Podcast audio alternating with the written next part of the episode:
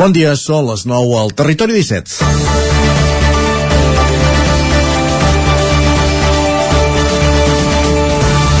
Finalment sembla que sí, el Ripollès, com el Berguedà i el Solsonès, podran votar la consulta sobre els Jocs Olímpics d'hivern del 2030, tal com establia la moció d'en Comú Podem, defensada pel diputat biguetà Marc Parés i aprovada al Parlament, però no ho farà amb la mateixa pregunta que les sis comarques de la vegueria de l'Alt Pirineu i l'Aran. Mentre que en aquestes sis comarques es preguntarà als ciutadans si volen que es presenti o no la candidatura pels Jocs Olímpics d'hivern, al Ripollès, el Solsonès i el Berguedà es preguntarà si volen implicar-s'hi. Tot plegat no fa més que aixecar sospites sobre si el resultat en aquestes tres comarques pot ser diferent que en les sis primeres i, per tant, que el resultat en un territori no condicioni la resta. Un despropòsit més d'una candidatura que va néixer amb mal peu i que costa de veure si realment vol començar a caminar amb fermesa o no. La consulta, per cert, es farà el 24 de juliol i a les comarques afectades ja han alçat la veu recordant que bona part de la ciutadania, ben entrat el mes de juliol, pot estar de viatge de vacances. Que Barcelona banderi la candidatura li dona una força que a les vegades que el lideratge es portava des de l'Aragó no tenien. Que es vulguin fer les proves en infraestructures i pistes ja existents perquè la petja ambiental sigui la mínima possible, fins i tot plantejant-se anar a fer proves a Sarajevo perquè aquí no hi ha circuits d'Skeldreton, tampoc sembla del tot mala idea. El debat sobre quina serà la neu que hi haurà als Pirineus sobre, eh, sobre la taula l'any 2030 en plena emergència climàtica també té tota la lògica del món. Ara bé, per tots els dubtes, cal que la candidatura tingui respostes treballades i el que es troba faltant aquesta candidatura és precisament convenciment. I sense això, pocs projectes es lideren.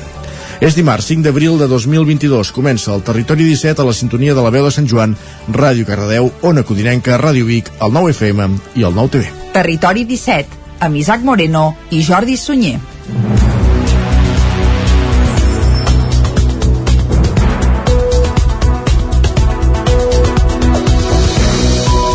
Passen dos minuts de les 9 del matí d'avui dimarts, dia 5 d'abril de 2022. Arrenca ara mateix un nou territori 17 que de seguida el que farà és acostar-vos tota l'actualitat de les nostres comarques. A partir de les 10 hi haurà més informació, actualitzarem el butlletí informatiu i tot seguit anirem cap a l'entrevista. Avui ens quedarem a Vic, als estudis del 9FM, per conversar amb Titi Roca, regidor de Fires i Mercats de l'Ajuntament de Vic, i Carme Saez, directora del Congrés BIT, Bioeconomia, Innovació i Tecnologia, un congrés que es fa al Sucre entre demà i dijous com a preludi del Mercat del Ram de la Recuperació, que se celebrarà aquest cap de setmana. De tot plegat, com dèiem, en parlarem amb Carme Saez i Titi Roca a partir d'un quart d'onze. Doncs això serà l'entrevista d'avui. Cap a dos quarts d'onze serà el moment de les piulades amb Guillem Sánchez. Tot seguit anirem a la taula de redacció i després qui ens visitarà, com sempre, un cop al mes, serà Manel Dot. Ja ho sabeu, els dimarts dediquem un espai a la natura i al medi ambient i avui amb Manel Dot, observador meteorològic, per fer repàs del mes de març, un mes de març on hem tornat a veure aigua, finalment, i també hem vist com el mes acabava donant pas a aquest petit hivern que estem acabant de viure aquests dies. Evidentment, li haurem de parlar d'aquesta nevadeta que vam tenir, d'aquesta fredurada, aviam si és gaire habitual que, bé, els primers dies d'abril ens arribi doncs una massa d'aire fred com la que hem tingut aquests dies. Això serà doncs una mica abans de les 11. A les 11 actualitzarem de nou butlletí informatiu i tot seguit ens tocarà parlar d'economia. Amb en Joan Carles Arredondo, ja ho sabeu, el cap d'Economia del 9-9 del Vallès Oriental, per aprofundir sobre un concepte de moda aquests dies, el pacte de rendes pacte de rendes, ara pla. Bé, sabrem que s'hi amaga perquè ens ho explicarà ell, com sempre. Molt bé, pacte de rendes. Això serà cap a un quart de 12, a dos quarts, com cada dia, tindrem temps d'anar amb tren, a la R3, a la Trenc d'Alba, i avui, que és dimarts, ens tocarà acabar amb el racó de pensar. Amb la Maria López, des de Ràdio Televisió Cardedeu, i avui parlant de miralls d'experiència amb la Paqui Raps, un videoclip promogut per el casal de joves La Paqui de Cardedeu, amb la mirada posada en el 8 de març. Uh, això a la recta final del programa. Doncs vinga, ara que ja estem situats, arrenquem-ho això i ho farem com sempre fent un repàs a l'actualitat de casa nostra, de les nostres comarques, les comarques del Ripollès, Osona, el Moianès i el Vallès Oriental. I el relat informatiu comença en una d'aquestes quatre comarques, el Ripollès, que podrà votar si s'implica en el projecte dels Jocs Olímpics el proper 24 de juliol en la doble consulta organitzada pel govern.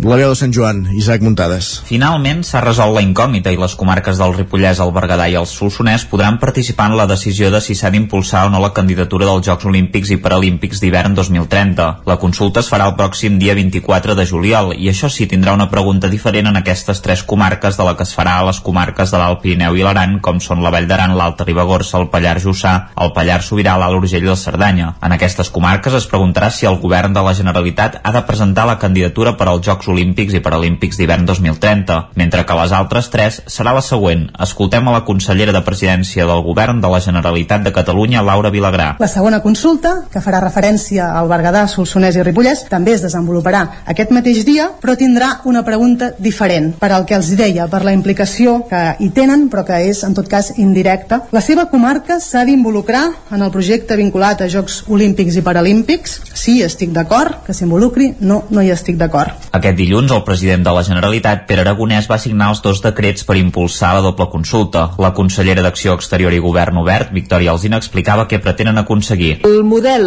de participació que es presenta avui aquí té com a objectiu buscar el màxim consens amb la ciutadania del Pirineu. De fet, aquest govern considera que sempre s'ha de confiar en les urnes. El fet de que la gent voti no ens ha de fer por en cap cas. Per tant, l'objectiu del que presentem avui s'està treballant de manera intensa perquè sigui un model que permeti aquest màxim consens, que permeti escoltar a la ciutadania del Pirineu. Des de la plataforma Stop Jocs Olímpics, un dels seus portaveus, Bernat Lavaquiol, assenyalava que no estan contents del tot. Valorem positivament la feina que hem fet per aconseguir que la pregunta sigui clara i concisa al Pirineu, cosa que el govern no volia. D'altra banda, lamentem que no es voti en igualtat de condicions al conjunt de les comarques implicades pel projecte i valorem de manera molt negativa que la consulta es convoqui pel 24 de juliol quan la gent està de vacances i amb tota la manca d'informació del projecte olímpic. No es pot enviar la població a votar sense tenir la informació del projecte i més fer-ho al mig de les vacances, un 24 de juliol quan el Pirineu està buit de la gent dels habitants del Pirineu, que són els que ens han de decidir. Qui ja ha començat la campanya pel sí és l'alcalde de Ripoll, Jordi Monell, que defensa que el projecte olímpic és una oportunitat pel Pirineu de Girona i per la gent que treballa directa i indirectament en el sector del turisme d'hivern i de muntanya. L'equip de govern de Ripoll valora que és una oportunitat pel Pirineu per estar més connectat, més ple de vida i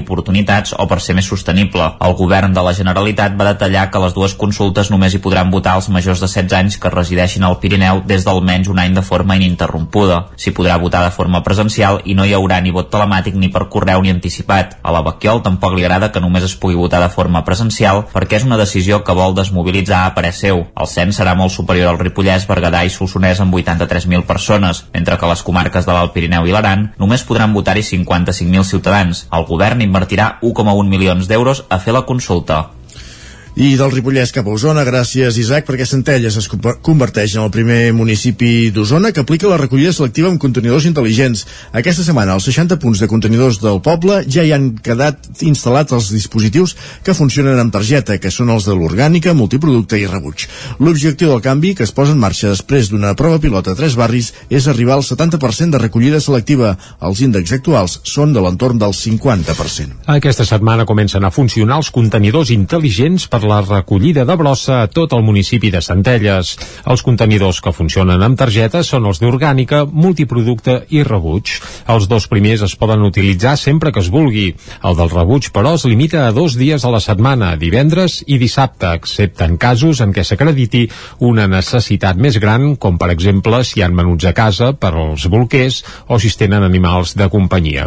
En el cas del vidre no es necessitarà la identificació. Neus Verdaguer és la regidora de Medi Ambient de l'Ajuntament de Centelles. El multiproducte i l'orgànica pots fer-ho a l'hora que vulguis, pots anar-lo tirant, no has d'aguantar l'orgànica a casa com quan es feia el porta a porta, que si anaves a comprar el dissabte fins al dilluns no te la venien a buscar, ens cobren més o ens penalitzen si tenim massa resta, doncs només es podrà obrir dos dies a la setmana, a no ser que algú tingui, doncs això, com bolquers, eh, sorra d'animals, i altres coses que llavors amb ells se'ls arreglarà la targeta perquè puguin obrir cada dia. Als tres barris de Centelles on s'ha fet la prova pilot dels contenidors intel·ligents, la recollida de la fracció orgànica s'hi ha multiplicat per 3. Al global del municipi, els registres de recollida selectiva són actualment del 50%. Amb el nou sistema, l'objectiu inicial és arribar al 70% a curt termini per arribar tot seguit al 80% de recollida selectiva. Ho detalla Josep Paré, que és alcalde de Centelles. D'arribar a les xifres de la comarca, el 50% ens posa al límit de Catalunya i d'Europa, però hem d'estar al 70% i amb aquest sistema el que hem aconseguit i, i garantim és que la gent pugui reciclar però ho pugui fer adaptant-nos a les seves situacions. Les targetes per utilitzar els nous contenidors es poden recollir fins al dia 13 d'abril al punt d'informació habilitat al Palau dels Comtes. Divendres passat, el 80% dels domicilis, unes 2.500 famílies, ja la tenien. Unió de Pagesos continua en peu de guerra per reivindicar preus justos al sector de la llet. Dissabte, a l'esclat de Malla, una quinzena de tractors es van fer sentir de nou en una acció que tenia l'objectiu de denunciar el mal que fan les marques blanques dels centres de distribució i la gran indústria. Només una setmana després de la primera mobilització a l'esclat de Malla, aquest dissabte una quinzena de tractors van tornar a protestar a les portes de l'hipermercat usonenc. Amb aquesta acció, convocada per Unió de Pagesos, el sector agrari va denunciar de nou la crisi de preus que els centres de distribució i la gran indústria provoquen a la pagesia pagesia i, sobretot, el sector lleter a través de les marques blanques. Marc Xifra és el responsable del sector boví de llet de la Unió de Pagesos. Avui a Catalunya només produïm un 40% de la llet que consumim. A nivell de l'estat espanyol i a nivell català també, d'aquesta llet que produïm aquí, aquest 40% de la llet que consumim que només es produeix aquí, un 80% de aquesta llet es ven en forma de marca un 80% es ven en forma de, mar, de llet líquida, vale? per veure d'aquesta llet líquida un 55% es ven en forma de marca blanca vale? de marca blanca que és tota iguala vale? aquí és de bon preu podria ser de Mercadona, podria ser de Carrefour i són unes llets que no compleixen la llei de la cadena alimentària aquesta llei que vàrem esmenar ara, el desembre passat, i que deia que no es podien vendre els productes sota costos de producció. Des que van començar les mobilitzacions, l'estiu passat el preu de la llet ha pujat al voltant d'uns 14 cèntims pels consumidors. D'aquests, però, només 5 estarien anant a parar a les butxaques dels ramaders, una situació que des de l'any 2017 ha provocat el tancament ja de 150 explotacions ramaderes a tot Catalunya. Ho denuncia Jordi Armengol, responsable de ramaderia d'Unió de Pagesos. Si no canviem aquest sistema de funcionament funcionament on l'alimentació només acaba sent, eh, s'acabi eh, acabi sent especulació, el que farem, un és els consumidors no tindreu la capacitat, eh, no tindreu la capacitat de, de, o l'accés a aquesta alimentació de, de qualitat no, i, a, i a preus raonables i, i els pagesos ramaders el que farem és acabar, acabar plegant tots. No?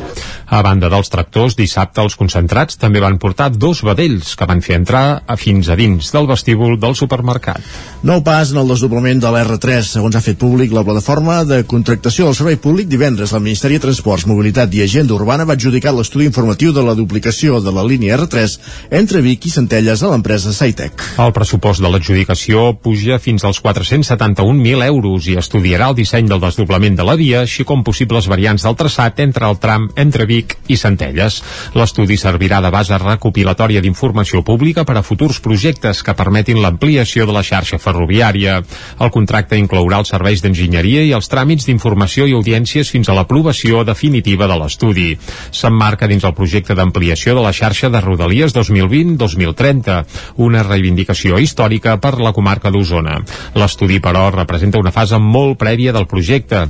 Des de l'Oficina Tècnica de Suport al Desdoblament de la R3, creada recentment a Osona, celebren aquest petit avanç, després del sotrac que va significar el passat mes de febrer que l'adjudicació per la redacció i execució de les instal·lacions de seguretat vinculades al desdoblament de la via just després de la sortida de l'estació de Vic en direcció a Barcelona quedés deserta. Una línia de bus per accedir al Montseny des de Palau Tortera es converteix en estable. Connectarà l'estació de tren de l'R2 amb el poble de Montseny passant per, la, per Santa Maria i Sant Esteve. A Osona també es consoliden dues línies a Collformic i Viladrau. Ràdio Televisió Cardedeu, Núria Lázaro. La Diputació de Barcelona i el Departament de Polítiques Digitals i Territori posen en marxa la nova línia d'autobús que connectarà l'estació de tren de Santa Maria de Palau Tordera amb el poble de Montseny, passant per Santa Maria i Sant Esteve. Funcionarà els dissabtes, diumenges i festius i comptarà amb vuit expedicions per sentit al llarg de cada jornada, 5 al matí i 3 a la tarda. D'aquesta manera es consolida el servei després de la prova pilot que es va fer la tardor passada. La Diputació ja havia anunciat la seva voluntat de fer-ho. A banda, s'estrenaran dues línies més per accedir al Montseny des de la vessant de la comarca d'Osona. Són les de Collformic i Viladrau. Totes dues tindran sortida des de l'estació de Vic a l'R3 i també passaran per l'estació de Balanyà Tona Ceba a la mateixa línia. L'empresa Segalés és l'operador de tots aquests serveis. Les tres línies s'afegeixen a les dues que ja hi havia actives, la de Sant Celoni a Santa Fe, que passa a funcionar com una línia directa i sense necessitat de fer transbordament al punt d'informació de Fogars a la rotonda de la carretera de Campins. Sí, però que es manté la parada en aquest punt.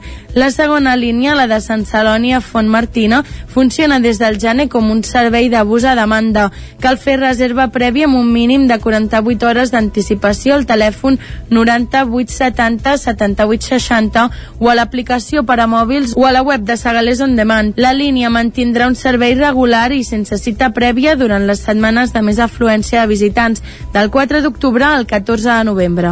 El ple de l'Ajuntament de Caldes de Montbui adjudica el dret de superfície a la cooperativa Matís Calderí per construir 19 habitatges darrere l'Ajuntament.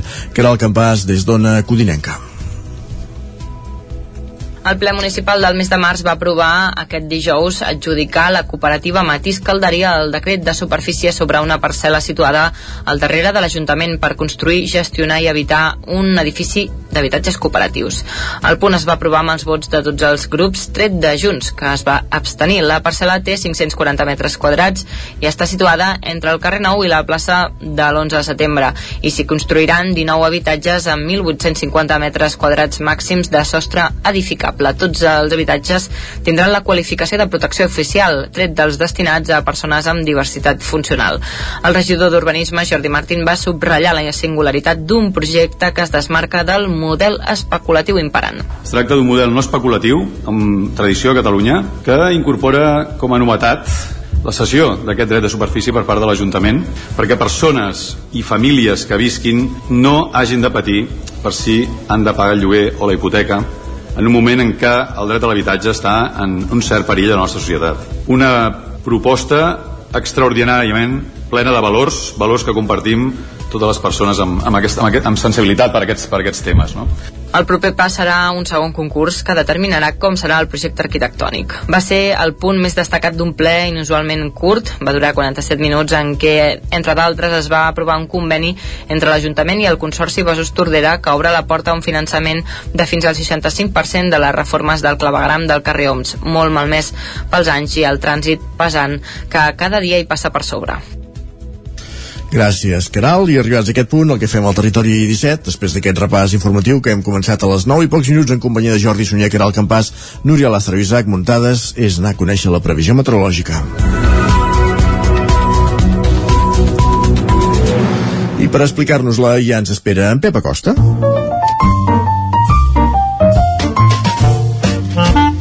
Casa Terradellos us ofereix el temps. Doncs vinga, venim de dies de molt de fred i hem de saber si això ja ho anem deixant enrere. Pep, molt bon dia.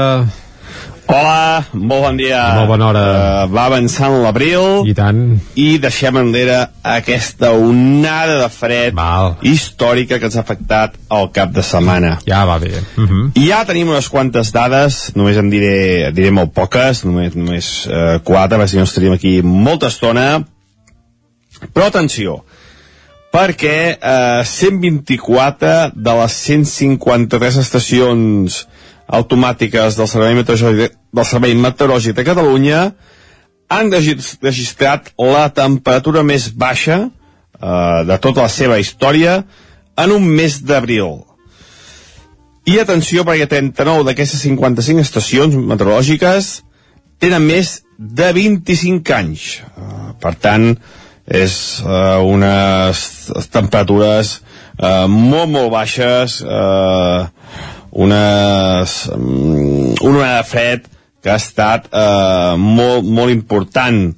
Uh, també uh, moltíssimes estacions uh, han registrat la temperatura uh, màxima més baixa en un mes d'abril. Uh, per tant, ha estat històrica pel que fa les temperatures mínimes i també per les temperatures màximes eh, de baixes, eh, les mínimes i les màximes. Eh, per tant, una cosa, una situació que no, no ha estat eh, gens, gens, eh, gens bona eh, per ningú aquest cap de setmana, ni pels animals, ni plantes, ni per nosaltres. No, no, no ha estat normal.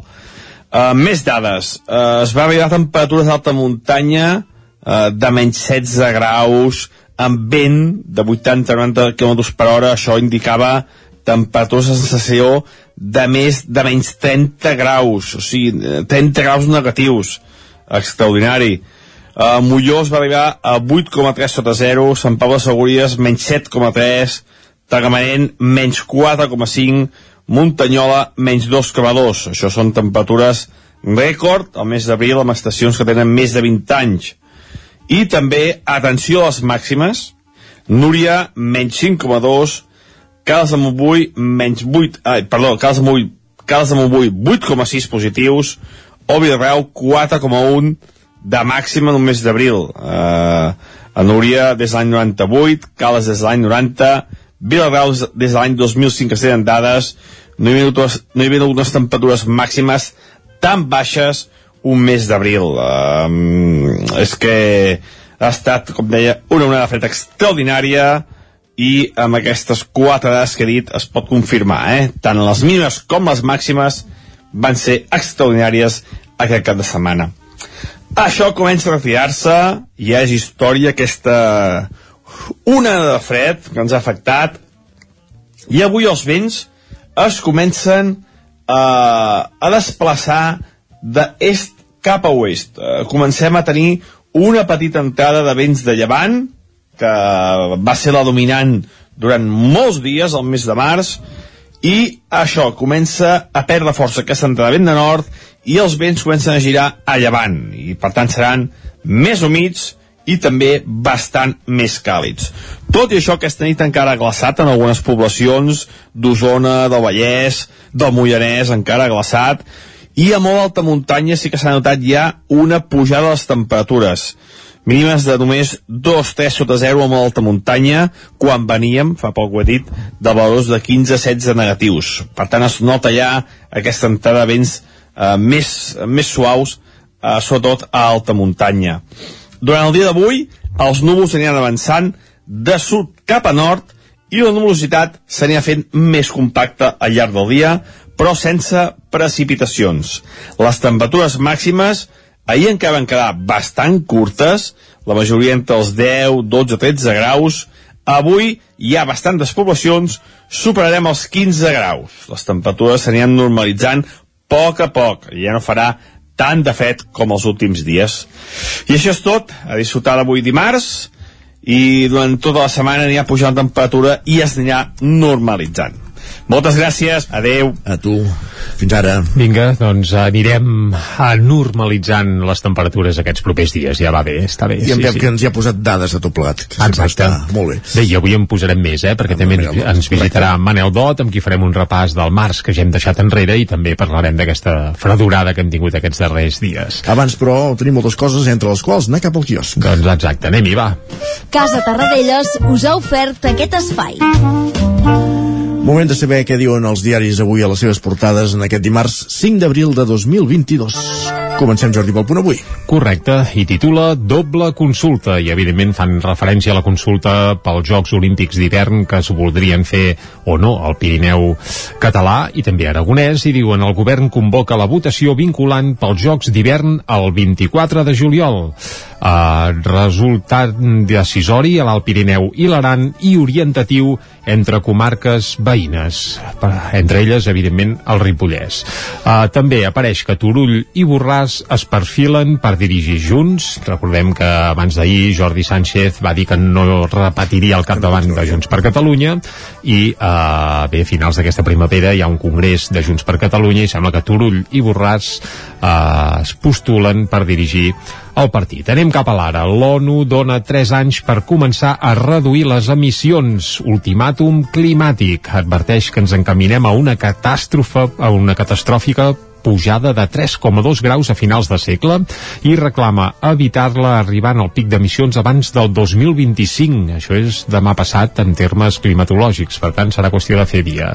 També parlen de l'entrada de Barcelona. Aquests dies es veu que s'haurà obert el túnel de les Glòries i diuen amb el nou túnel de les Glòries es triga el doble a entrar en cotxe a Barcelona.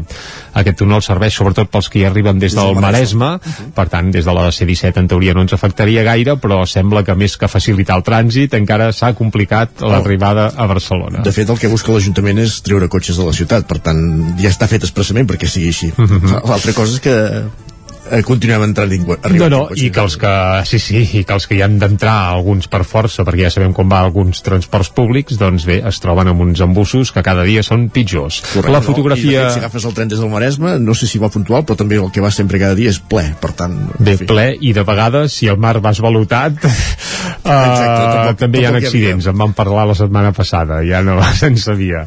La fotografia principal de l'ara és per Zelensky, uh, que ahir va anar a visitar el, bé, la, deba, la destrossa que va fer l'exèrcit rus quan va abandonar una de les barriades de, de Kiev i diu el món ho veurà com un genocidi. Aquest és el titular, entre cometes, que hi ha a la portada de l'Ara. També a l'avantguàrdia la matança de Butxa allunya la pau a Ucraïna, també fent referència a aquesta fotografia que hi havia a l'Ara, i la fotografia principal per això no és per Zelensky, sinó que és pel Borbó. I diu, el rei intensifica la seva agenda a Barcelona, i se'l veu, això, passejant doncs, per Barcelona, on ahir la veritat és que no sé ben bé què hi van a fer, però... No és alimentari al matí, no ho sé, ara ho dic així. ho, hauríem, ho, ho investigarem, va. També el túnel de les Glòries obre amb col·lapse viari. A l'avantguàrdia, com eh, també veiem a l'ara, són barcelonocèntrics, això ja ho sabem prou, eh? Anem al periòdico. Obrim cometes a la portada, eh? Per caminar pel carrer havies d'anar saltant els cadàvers. Això és el que retrata una crònica del que es trobava el periodista que va anar ahir a Butxa acompanyant a Zelensky, eh, esfereïdor també. I ara, ràpidament, fem un cop d'ull a les portades que Confirmat, s'editen. eh? Alimentari obria i les portes amb la presència del rei, Ah, del rei Borbó. Doncs ja sabem què va venir a fer. Es va venir a tipar, ras i curt. El país, uh, soc un civil, no dispareu, i van sonar cinc trets. Això entre cometes, i això és una de les coses que va passar doncs, també a Butxa, uh, en aquest infern a Ucraïna. A l'ABC, el Consell d'Estat dubta que el nou batxillerat prepari per al treball. Uh, això apareix a la portada de l'ABC, a la Razón, Zelensky adverteix que Butxa allunya les converses de pau, aquest és el titular principal que apareix a la Razón, i acabem fent un cop d'ull al Mundo, Biden demana que jutgi Putin per crims de guerra. I també Alemanya intervé la filial eh, del gegant rus Gazprom. Això també apareix a la portada del Mundo. I repassades les portades fem una petita pausa, però tornem de seguida. El nou FM, la ràdio de casa, al 92.8. La vida i la naturalesa han portat Ernest Gingó a crear el seu primer disc i tu el pots ajudar a fer-lo realitat. Busca Seguint la Natura a la pàgina web Verkami i podràs fer la teva aportació econòmica a canvi del disc i d'alguns instruments artesanals que ha construït amb el seu pare, fuster de professió. Ajuda l'Ernest Gingó a fer realitat aquest primer disc que fa un viatge musical per la connexió amb la naturalesa. I un sentiment. Has d'organitzar un esdeveniment? A l'Ineixat lloguem les cadires, taules, plats, coberts, rams de flors i tota la decoració necessària per preparar qualsevol esdeveniment. Vine a buscar material per a festes, casaments, celebracions culturals, espectacles, concerts o reunions d'empresa i de família. Ens pots venir a veure al passeig de la Generalitat número 52 Baixos de Vic, buscar-nos a les xarxes o trucar-nos al telèfon 670 38 96 25. Ah, i també ens trobaràs a Girona. A l'Ineixa tenim tot el que pots necessitar per fer-te la vida més fàcil. Rètols 2A. Experts en comunicació visual. Rètols, banderoles, vinils, impressió, plaques gravades, senyalització, display... Rètols Dos Art. Ja són 25 anys al vostre servei. Ens trobareu a la carretera de Vic a Olot, número 7, al polígon Malloles de Vic. dosartvic.com Telèfon 93 889 2588. El Racó de León ja és primavera. Gaudeix de la nostra terrassa. Vine a tastar les xuletilles de lechal a la brasa amb una bona amanida o el xuletón de vedella gallega. No et pots perdre el nostre lechado de Castilla al forn o el cochinillo a l'estil de Segovia. Tot acompanyat del millor celler, al menjador o fora la terrassa. Descobreix la millor cuina de Lleó sense moure't de casa. Vine amb la família, els amics, la parella o sol. T'encantarà. El racó de León, cuina tradicional lleonesa i de mercat. Som al carrer Torelló número 35 de Vic. Per reserves, telèfon 93 889 1950. El racó de León, una cuina diferent. Cobertes serveis funeraris. Els nostres tanatoris estan ubicats en els nuclis urbans més poblats de la comarca d'Osona per oferir un millor servei. Tanatori de Vic, Tanatori de Manlleu, Tanatori de Centelles i Tanatori de Roda de Ter. Sabem que són moments difícils i per això el nostre compromís és atendre-us en tot moment amb un tracte humà, sensible i respectuós. Cobertes serveis funeraris. Telèfon 24 hores 93 883 23 46. Anuncia't al 9FM. La màquina de casa. 9 3 8 8 9 4 9 4 9 Publicitat arroba al 9FM.cat. Anuncia't al 9FM.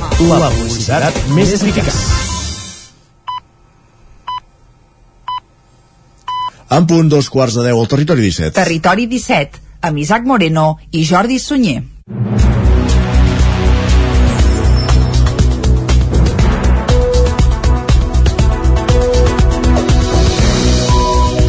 I a dos quarts de deu en punt d'avui dimarts dia 5 d'abril de 2020 seguim en directe aquí a Territori 17 i de seguida us acostarem tota l'actualitat de les nostres comarques. Després, una mica abans de les 10, hi posarem música i avui estrenarem una peça d'aquelles per ballar i que ja ens diu que som a les portes de l'estiu, eh?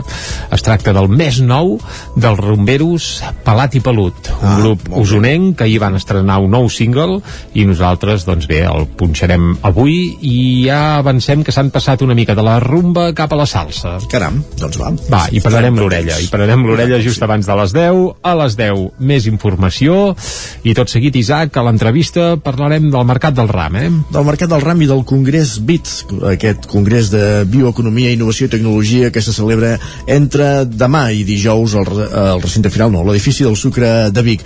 En parlarem amb la directora d'aquest congrés, amb la Carme Saez, i també amb Titi Roca, regidor de Fires i Mercats de l'Ajuntament de Vic, ja que torna la festa de la primavera amb la seva esplendor després de, de dos anys amb interrupció pandèmica. L'any passat va haver-hi Mercat del Ram, però va ser un format molt adaptat a la situació. Aquest any ja torna per la porta gran, com si diguéssim. Doncs vinga, celebrem-ho. Tot seguit, va, seguim repassant el menú del territori 17 d'avui. Cap a dos quarts d'onze, com cada dia, a l'equador del programa ens visitarà en Guillem Sánchez, amb qui repassarem piulades. Després passarem per la taula de redacció i un cop al mes, que toca avui, ens visita en Manel Dot. Avui amb en Manel Dot, ja ho sabeu, a l'Espai de Natura i Medi Ambient, observador meteorològic, per fer repàs del mes de març, un mes on hem tornat a veure l'aigua, que ha donat pas a aquest petit hivern, que hem tingut nevades aquest cap de setmana, ja era abril, però també en parlarem. Avui, com dèiem, a, a la recta final de la segona hora del territori 17, just abans de les 11. Li haurem de recordar aquella frase feta del Març Marçot, mata la vella i la jove si pot, perquè aquest març ha set d'alt i baixos i sí, sí. bé, la vella i la jove i no sé què ha fet, eh? però em sembla que ha fet honor a, a, la dita popular. A les Ja 11, està, va.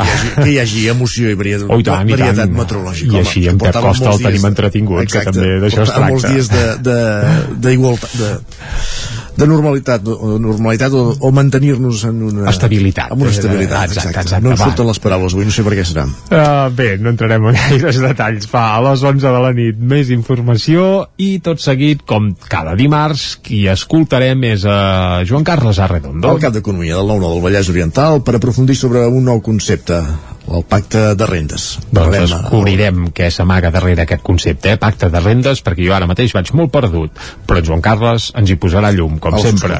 Exacte. A dos quarts de dotze serà el moment de la trenc d'alba, com cada dia, pujarem a la R3 per conèixer les aventures dels intrèpids viatgers que agafen el tren cada dia, i avui que és dimarts acabarem amb el racó de pensar. Correcte. Amb la Maria López des de Ràdio Televisió Cardedeu, amb el projecte Miralls d'Experiència, amb la PAC i Raps, un, un videoclip promogut per la PAC i amb la mirada posada en el 8 de març. I ara que ja estem situats, ja podem seguir i ho farem com sempre, acostant-vos l'actualitat de casa nostra, de casa vostra, l'actualitat de les comarques del Vallès Oriental, el Moianès, Osona i el Ripollès. I el relat informatiu comença en una d'aquestes quatre comarques, el Ripollès, que podrà votar si s'implica en el projecte dels Jocs Olímpics el proper 24 de juliol en la doble consulta organitzada pel govern.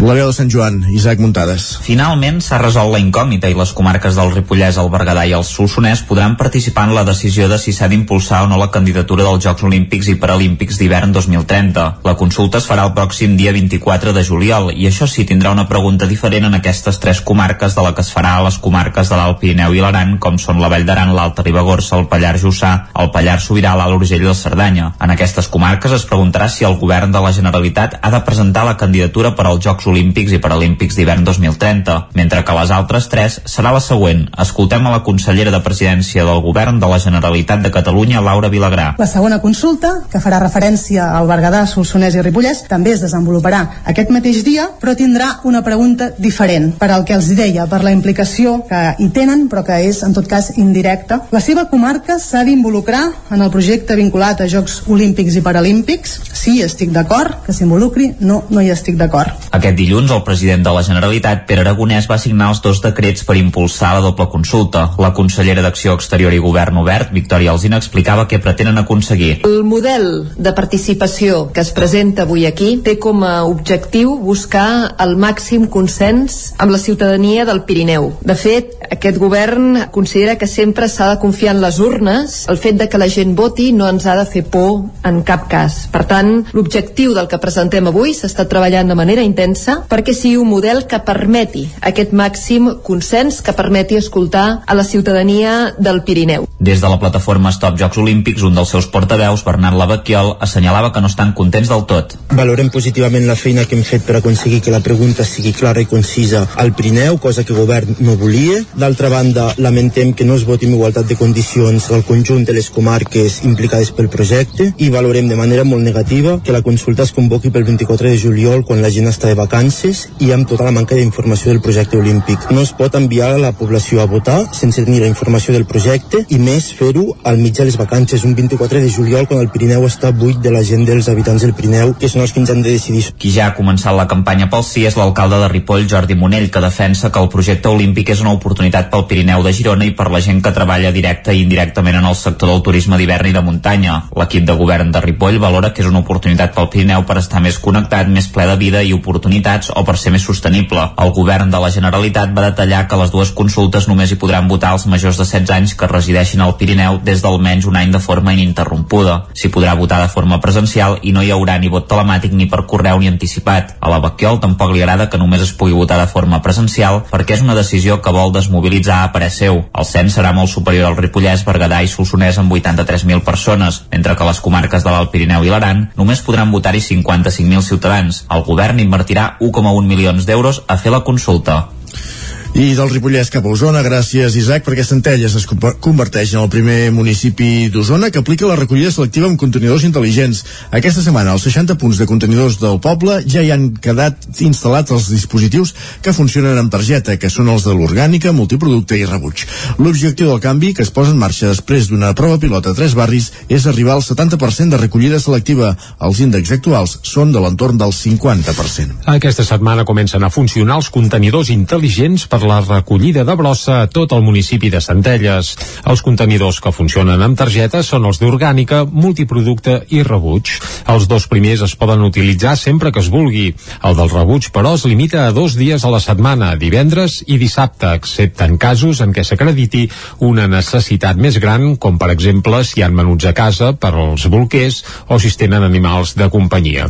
En el cas del vidre no es necessitarà la identificació. Neus Verdaguer és la regidora de Medi Ambient de l'Ajuntament de Centelles. El multiproducte i l'orgànica pots fer-ho a l'hora que vulguis, pots anar-lo tirant, no has d'aguantar l'orgànica a casa com quan es feia el porta a porta, que si anaves a comprar el dissabte fins al dilluns no te la venien a buscar, ens cobren més o ens penalitzen si tenim massa resta, doncs només es podrà obrir dos dies a la setmana, a no ser que algú tingui, doncs això, com bolquers, eh, sorra d'animals i altres coses que llavors amb ells se'ls arreglarà la targeta perquè puguin obrir cada dia. Als tres barris de Centelles on s'ha fet la prova pilot dels contenidors intel·ligents, la recollida de la fracció orgànica s'hi ha multiplicat per 3. Al global del municipi, els registres de recollida selectiva són actualment del 50%. Amb el nou sistema, l'objectiu inicial és arribar al 70% a curt termini per arribar tot seguit al 80% de recollida selectiva. Ho detalla Josep Paré, que és alcalde de Centelles. D'arribar a les xifres de la comarca, el 50% ens posa el límit de Catalunya i d'Europa, però hem d'estar al 70% i amb aquest sistema el que hem aconseguit i, i garantim és que la gent pugui reciclar però ho pugui fer adaptant-nos a les seves situacions. Les targetes per utilitzar els nous contenidors es poden recollir fins al dia 13 d'abril al punt d'informació habilitat al Palau dels Comtes. Divendres passat, el 80% dels domicilis, unes 2.500 famílies, ja la tenien.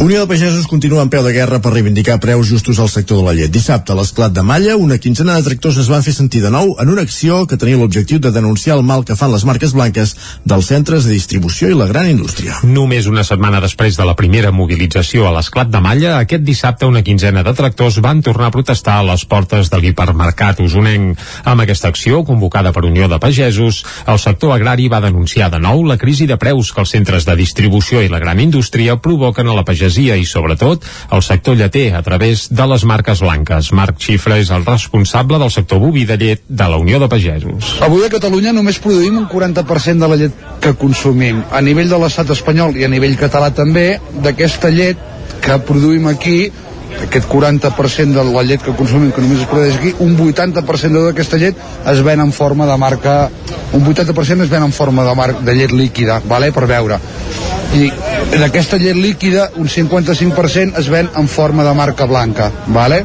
de marca blanca que és tota iguala vale? aquí és de bon preu podria ser de Mercadona, podria ser de Carrefour i són unes llets que no compleixen la llei de la cadena alimentària aquesta llei que vàrem esmenar ara, el desembre passat, i que deia que no es podien vendre els productes sota costos de producció. Des que van començar les mobilitzacions, l'estiu passat el preu de la llet ha pujat al voltant d'uns 14 cèntims pels consumidors. D'aquests, però, només 5 estarien anant a parar a les butxaques dels ramaders, una situació que des de l'any 2017 ha provocat el tancament ja de 150 explotacions ramaderes a tot Catalunya. Ho denuncia Jordi Armengol, responsable de ramaderia d'Unió de Pagesos. Si no canviem aquest sistema de funcionament on l'alimentació només acaba sent, eh, s'acabi eh, acabi sent especulació, el que farem, un és els consumidors no tindreu la capacitat, eh, no tindreu la capacitat de, de, o l'accés a aquesta alimentació de, de qualitat no, i, a, i a preus raonables i, i els pagesos ramaders el que farem és acabar, acabar plegant tots. No? A banda dels tractors, dissabte els concentrats també van portar dos vedells que van fer entrar a fins a dins del vestíbul del supermercat. Nou pas en el desdoblament de l'R3, segons ha fet públic la plataforma plataforma de contractació del servei públic, divendres el Ministeri de Transports, Mobilitat i Agenda Urbana va adjudicar l'estudi informatiu de la duplicació de la línia R3 entre Vic i Centelles a l'empresa Saitec. El pressupost de l'adjudicació puja fins als 471.000 euros i estudiarà el disseny del desdoblament de la via, així com possibles variants del traçat entre el tram entre Vic i Centelles. L'estudi servirà de base recopilatòria d'informació pública per a futurs projectes que permetin l'ampliació de la xarxa ferroviària. El contracte inclourà els serveis d'enginyeria i els tràmits d'informació i audiències fins a l'aprovació definitiva de l'estudi. S'emmarca dins el projecte d'ampliació de la xarxa de Rodalies 2020-2030, una reivindicació històrica per la comarca d'Osona. L'estudi, però, representa una fase molt prèvia del projecte. Des de l'Oficina Tècnica de Suport al Desdoblament de la R3, creada recentment a Osona, celebren aquest petit avanç, després del sotrac que va significar el passat mes de febrer que l'adjudicació per la redacció i execució de les instal·lacions de seguretat vinculades al desdoblament de la via just després de la sortida de l'estació de Vic en direcció a Barcelona quedés deserta. Una línia de bus per accedir al Montseny des de Palau Tortera es converteix en estable. Connectarà l'estació del tren de l'R2 amb el poble de Montseny passant per, la, per Santa Maria i Sant Esteve. A Osona també es consoliden dues línies a Collformic i Viladrau. Ràdio Televisió Cardedeu, Núria Lázaro. La Diputació de Barcelona i el Departament de Polítiques Digitals i Territori posen en marxa la nova línia d'autobús que connectarà l'estació de tren de Santa Maria per Tordera amb el poble de Montseny, passant per Santa Maria i Sant Esteve. Funcionarà els dissabtes, diumenges i festius i comptarà amb vuit expedicions per sentit al llarg de cada jornada, 5 al matí i 3 a la tarda. D'aquesta manera es consolida el servei després de la prova pilot que es va fer la tardor passada. La Diputació ja havia anunciat la seva voluntat de fer-ho. A banda, s'estrenaran dues línies més per accedir al Montseny des de la vessant de la comarca d'Osona. Són les de Collformic i Viladrau. Totes dues tindran sortida des de l'estació de Vic a la R3 i també passaran per l'estació de Balanyà, Tona, Ceba, a la mateixa línia.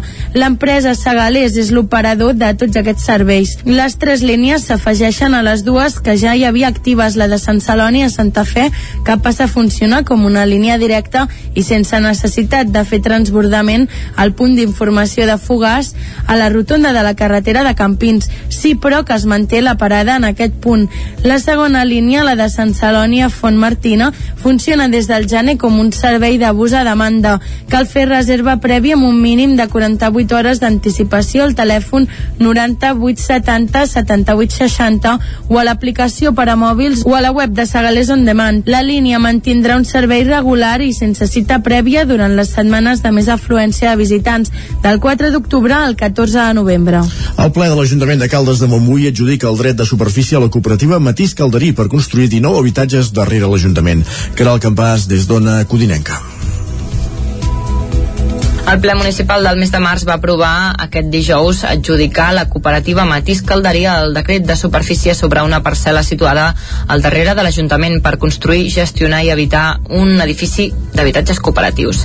El punt es va aprovar amb els vots de tots els grups, tret de Junts, que es va abstenir. La parcel·la té 540 metres quadrats i està situada entre el carrer Nou i la plaça de l'11 de setembre i s'hi construiran 19 habitatges amb 1.850 metres quadrats màxims de sostre edificable habitable. Tots els habitatges tindran la qualificació de protecció oficial, tret dels destinats a persones amb diversitat funcional. El regidor d'Urbanisme, Jordi Martín, va subratllar la singularitat d'un projecte que es desmarca del model especulatiu imperant. Es tracta d'un model no especulatiu, amb tradició a Catalunya, que incorpora com a novetat la cessió d'aquest dret de superfície per part de l'Ajuntament perquè persones i famílies que visquin no hagin de patir per si han de pagar el lloguer o la hipoteca en un moment en què el dret a l'habitatge està en un cert perill a la nostra societat. Una proposta extraordinàriament plena de valors, valors que compartim totes les persones amb, amb, aquest, amb, aquest, amb sensibilitat per aquests, per aquests temes. No?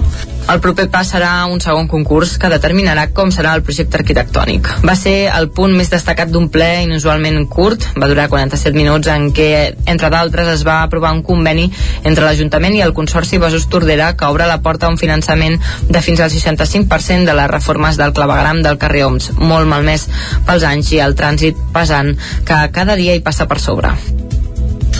Gràcies, Caral. I arribats a aquest punt, el que fem al Territori 17, després d'aquest repàs informatiu que hem començat a les 9 i pocs minuts en companyia de Jordi Sunyer, Caral Campàs, Núria Lázaro i Isaac Muntades, és anar a conèixer la previsió meteorològica. I per explicar-nos-la ja ens espera en Pep Acosta.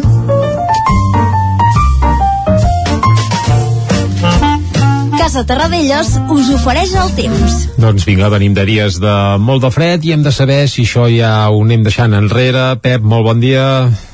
Hola, molt bon dia. Molt bona hora. Uh, va avançant l'abril. I tant. I deixem enrere aquesta onada de fred Val. històrica que ens ha afectat al cap de setmana. Ja va bé. Uh -huh. I ja tenim unes quantes dades, només en diré, diré molt poques, només, només uh, quatre, perquè si no estaríem aquí molta estona. Però atenció, perquè eh, 124 de les 153 estacions automàtiques del Servei Meteorològic, del Servei Meteorològic de Catalunya han registrat la temperatura més baixa eh, de tota la seva història en un mes d'abril. I atenció, perquè 39 d'aquestes 55 estacions meteorològiques tenen més de 25 anys. Uh, per tant, és uh, unes temperatures uh, molt, molt baixes, uh, unes, um, una onada de fred que ha estat eh, molt, molt important. Eh, també eh, moltíssimes estacions eh, han registrat la temperatura eh, màxima més baixa en un mes d'abril. Eh, per tant, ha estat històrica pel que fa les temperatures mínimes i també per les temperatures màximes eh, de baixes, eh, les mínimes i les màximes. Eh, per tant, una cosa, una situació que no, no ha estat eh, gens, gens, eh, gens bona eh, per ningú aquest cap de setmana, ni pels animals, ni plantes, ni per nosaltres. No, no, no ha estat normal.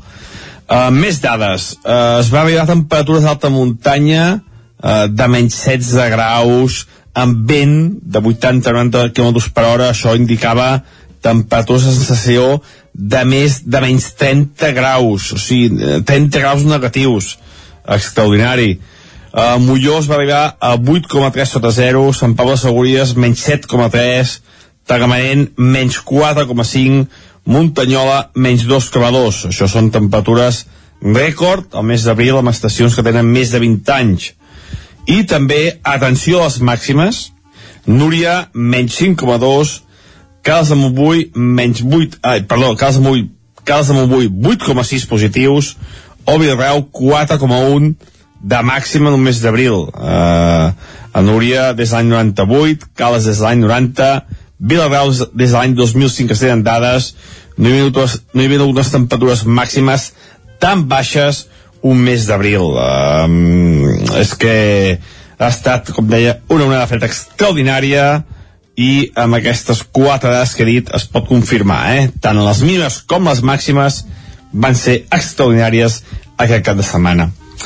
Això comença a retirar-se, ja és història aquesta una de fred que ens ha afectat i avui els vents es comencen a, a desplaçar d'est cap a oest. Uh, comencem a tenir una petita entrada de vents de llevant que va ser la dominant durant molts dies al mes de març i això comença a perdre força aquesta entrada de vent de nord i els vents comencen a girar a llevant i per tant seran més humits i també bastant més càlids.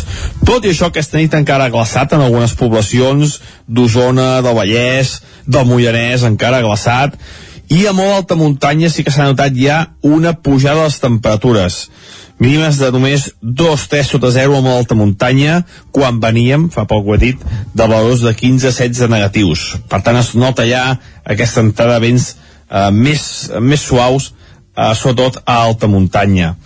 Durant el dia d'avui, els núvols aniran avançant de sud cap a nord i la nuvolositat s'anirà fent més compacta al llarg del dia, però sense precipitacions. Les temperatures màximes ahir encara van quedar bastant curtes, la majoria entre els 10, 12, 13 graus. Avui hi ha bastantes poblacions, superarem els 15 graus. Les temperatures s'aniran normalitzant a poc a poc, ja no farà tant de fet com els últims dies. I això és tot, a disfrutar d'avui dimarts, i durant tota la setmana anirà pujant la temperatura i es anirà normalitzant. Moltes gràcies, adeu. A tu, fins ara. Vinga, doncs anirem a normalitzant les temperatures aquests propers dies, ja va bé, està bé. I em sí, sí. que ens hi ha posat dades a tot plat. Exacte. Està molt bé. Bé, i avui en posarem més, eh, perquè ah, també ens, ens visitarà Manel Dot, amb qui farem un repàs del març que ja hem deixat enrere i també parlarem d'aquesta fredurada que hem tingut aquests darrers dies. Abans, però, tenim moltes coses entre les quals anar cap al quiosc. Doncs exacte, anem-hi, va. Casa Tarradellas us ha ofert aquest espai. Moment de saber què diuen els diaris avui a les seves portades en aquest dimarts 5 d'abril de 2022. Comencem, Jordi, pel punt avui. Correcte, i titula Doble consulta, i evidentment fan referència a la consulta pels Jocs Olímpics d'hivern que s'ho voldrien fer o no al Pirineu català i també aragonès, i diuen el govern convoca la votació vinculant pels Jocs d'hivern el 24 de juliol. Uh, resultat decisori a l'Alt Pirineu i l'Aran i orientatiu entre comarques veïnes, entre elles, evidentment, el Ripollès. Uh, també apareix que Turull i Borràs es perfilen per dirigir Junts. Recordem que abans d'ahir Jordi Sánchez va dir que no repetiria el capdavant de Junts per Catalunya i eh, bé, a finals d'aquesta primavera hi ha un congrés de Junts per Catalunya i sembla que Turull i Borràs eh, es postulen per dirigir el partit. Anem cap a l'ara. L'ONU dona 3 anys per començar a reduir les emissions. Ultimàtum climàtic. Adverteix que ens encaminem a una catàstrofe, a una catastròfica pujada de 3,2 graus a finals de segle i reclama evitar-la arribant al pic d'emissions abans del 2025. Això és demà passat en termes climatològics, per tant serà qüestió de fer via. També parlen de l'entrada de Barcelona. Aquests dies es veu que s'ha obert el túnel de les Glòries i diuen amb el nou túnel de les Glòries es triga el doble a entrar en cotxe a Barcelona. Aquest túnel serveix sobretot pels que hi arriben des del Maresme, per tant des de la C-17 en teoria no ens afectaria gaire, però sembla que més que facilitar el trànsit encara s'ha complicat l'arribada a Barcelona. De fet, el que busca l'Ajuntament és treure cotxes de la ciutat, per tant, ja està fet expressament perquè sigui així. -hmm. L'altra cosa és que eh, continuem entrant. No, no, i que els que, sí, sí, i que els que hi han d'entrar alguns per força, perquè ja sabem com va alguns transports públics, doncs bé, es troben amb uns embussos que cada dia són pitjors. Correcte, la fotografia... No? I fet, si agafes el tren des del Maresme, no sé si va puntual, però també el que va sempre cada dia és ple, per tant... Bé, ple, i de vegades, si el mar va esvalutat, uh, tampoc, també hi ha accidents. En vam parlar la setmana passada, ja no se'n sabia. La fotografia principal de l'ara és per Zelensky, uh, que ahir va anar a visitar el, bé, la, de, la destrossa que va fer l'exèrcit rus quan va abandonar una de les barriades de, de Kiev i diu el món ho veurà com un genocidi aquest és el titular entre cometes que hi ha a la portada de l'Ara. També a l'avantguàrdia la matança de Butxa allunya la pau a Ucraïna, també fent referència a aquesta fotografia que hi havia a l'Ara, i la fotografia principal per això no és per Zelensky, sinó que és pel Borbó. I diu, el rei intensifica la seva agenda a Barcelona, i se'l veu, això, passejant doncs, per Barcelona, on ahir la veritat és que no sé ben bé què hi va anar a fer, però... No, haurà alimentari al matí, no ho sé, ara ho dic així. Ho, hauríem, ho, ho investigarem, va. També el túnel de les Glòries obre amb col·lapse viari. A l'avantguàrdia, com eh, també veiem a l'ara, són barcelonocèntrics, això ja ho sabem prou, eh? Anem al periòdico. Obrim cometes a la portada, eh? Per caminar pel carrer havies d'anar saltant els cadàvers. Això és el que retrata una crònica del que es trobava el periodista que va anar ahir a Butxa acompanyant a Zelensky, eh, esfereïdor també. I ara, ràpidament, fem un cop d'ull de les portades que s'han dit. eh? Alimentari obria les portes amb la presència del rei, ah, del rei. Borbó. Doncs ja sabem què va venir a fer. Es va venir a tipar, ras i curt.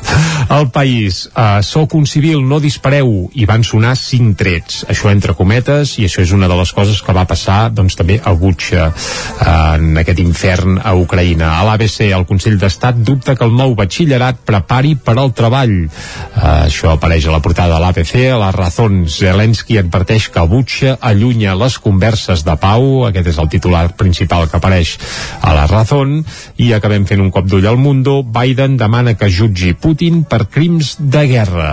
I també Alemanya intervé la filial uh, del gegant rus Gazprom. Gazprom, aquella companyia a la qual en Putin pretenia que li paguessin el gas en rubles. Exacte i al final, no bé, ni que sigui indirectament, per això ho acaben fent, perquè Està, clar, sí. diu, bé, doncs va, pagueu aquest banc i després ja farà el canvi. Per tant, en el fons encara s'han acabat en sortint. Però bé, deixem el tema del gas, i bé, bé, no deixem el tema del gas posem-hi gas, posem-hi gas perquè aquesta cançó, gas a fons. Ja hem avançat abans que escoltarem el més nou dels Palat i Pelut, aquest grup usonenc de rumba que l'any passat va publicar el seu primer disc, el disc es titulava Flor al cul, era un autèntic tro, eh, gas a fons amb rumba a tope, i ara eh, de cara a aquesta primavera-estiu han publicat un nou senzill. La cançó es titula Em flipa l'escoltarem de seguida i hi col·labora hi col·labora Figa Flauas. Qui és la Figa, la Figa Flauas? És, és un bé, un, una espècie de, de moviment sí? de salsa urbana perquè ens entenguem. I això ho entendrem de seguida quan escoltem la cançó i veiem de quin peu calça tot plegat. Diguem que els Pelat i Pelut han evolucionat un pèl eh, han deixat o han aparcat momentàniament una mica la rumba i en aquesta cançó s'acosten molt al so més urbà i també al so més salsero, cubà, etc etc. I bé, l'escoltem, és un autèntic tro i avancem ja que, atenció, perquè els Palat i Pelut comencen gira, ho faran el proper 13 d'abril a la Sala Polo de Barcelona i el 30 d'abril seran a la Cabra de Vic. La Cabra de Vic, que, La no, la Cabra. Jas, que no la Jascava, Sí, eh? la Jascava no, sinó la Sala La Cabra, al costat del pavelló Castell d'Emplanes. Va, i ara, fins al punt de les 10, el més nou dels Pelat i Pelut, amb Flipa. sort que m'acompanyis fins al dia que em diguis prou. Que el temporal m'agafi moll.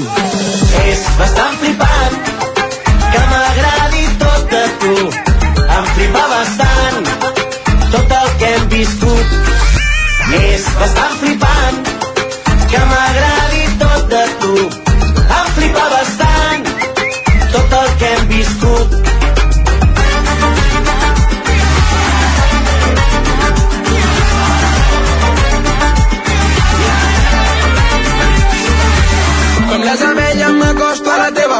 Donaria la vida si calgués per això.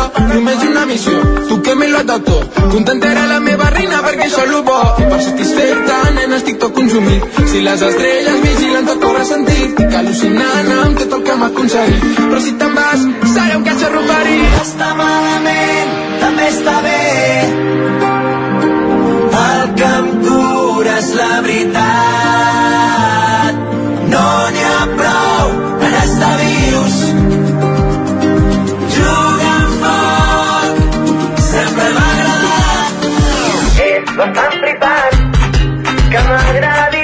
De tu. Em flipa bastant. És bastant flipant que m'agradi tot de tu. Em flipa bastant tot el que hem viscut. És bastant flipant que m'agradi tot de tu. Em flipa bastant tot el que hem viscut. És bastant flipant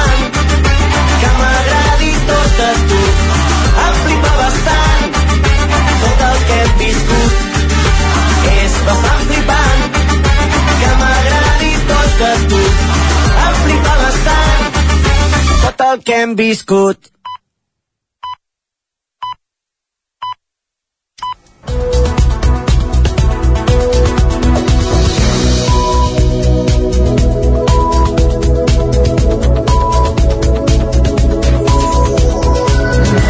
Moment ara al territori 17 d'actualitzar-nos, de posar-nos al dia amb les notícies més destacades de les nostres comarques, el Ripollès, Osona, el Moianès i el Vallès Oriental, i ho fem en connexió amb les diferents emissores, les diferents redaccions que cada dia fan possible aquest programa. Ona Codinenca, la veu de Sant Joan, Ràdio Cardedeu, Ràdio Vic, el 9 FM i el 9 TV.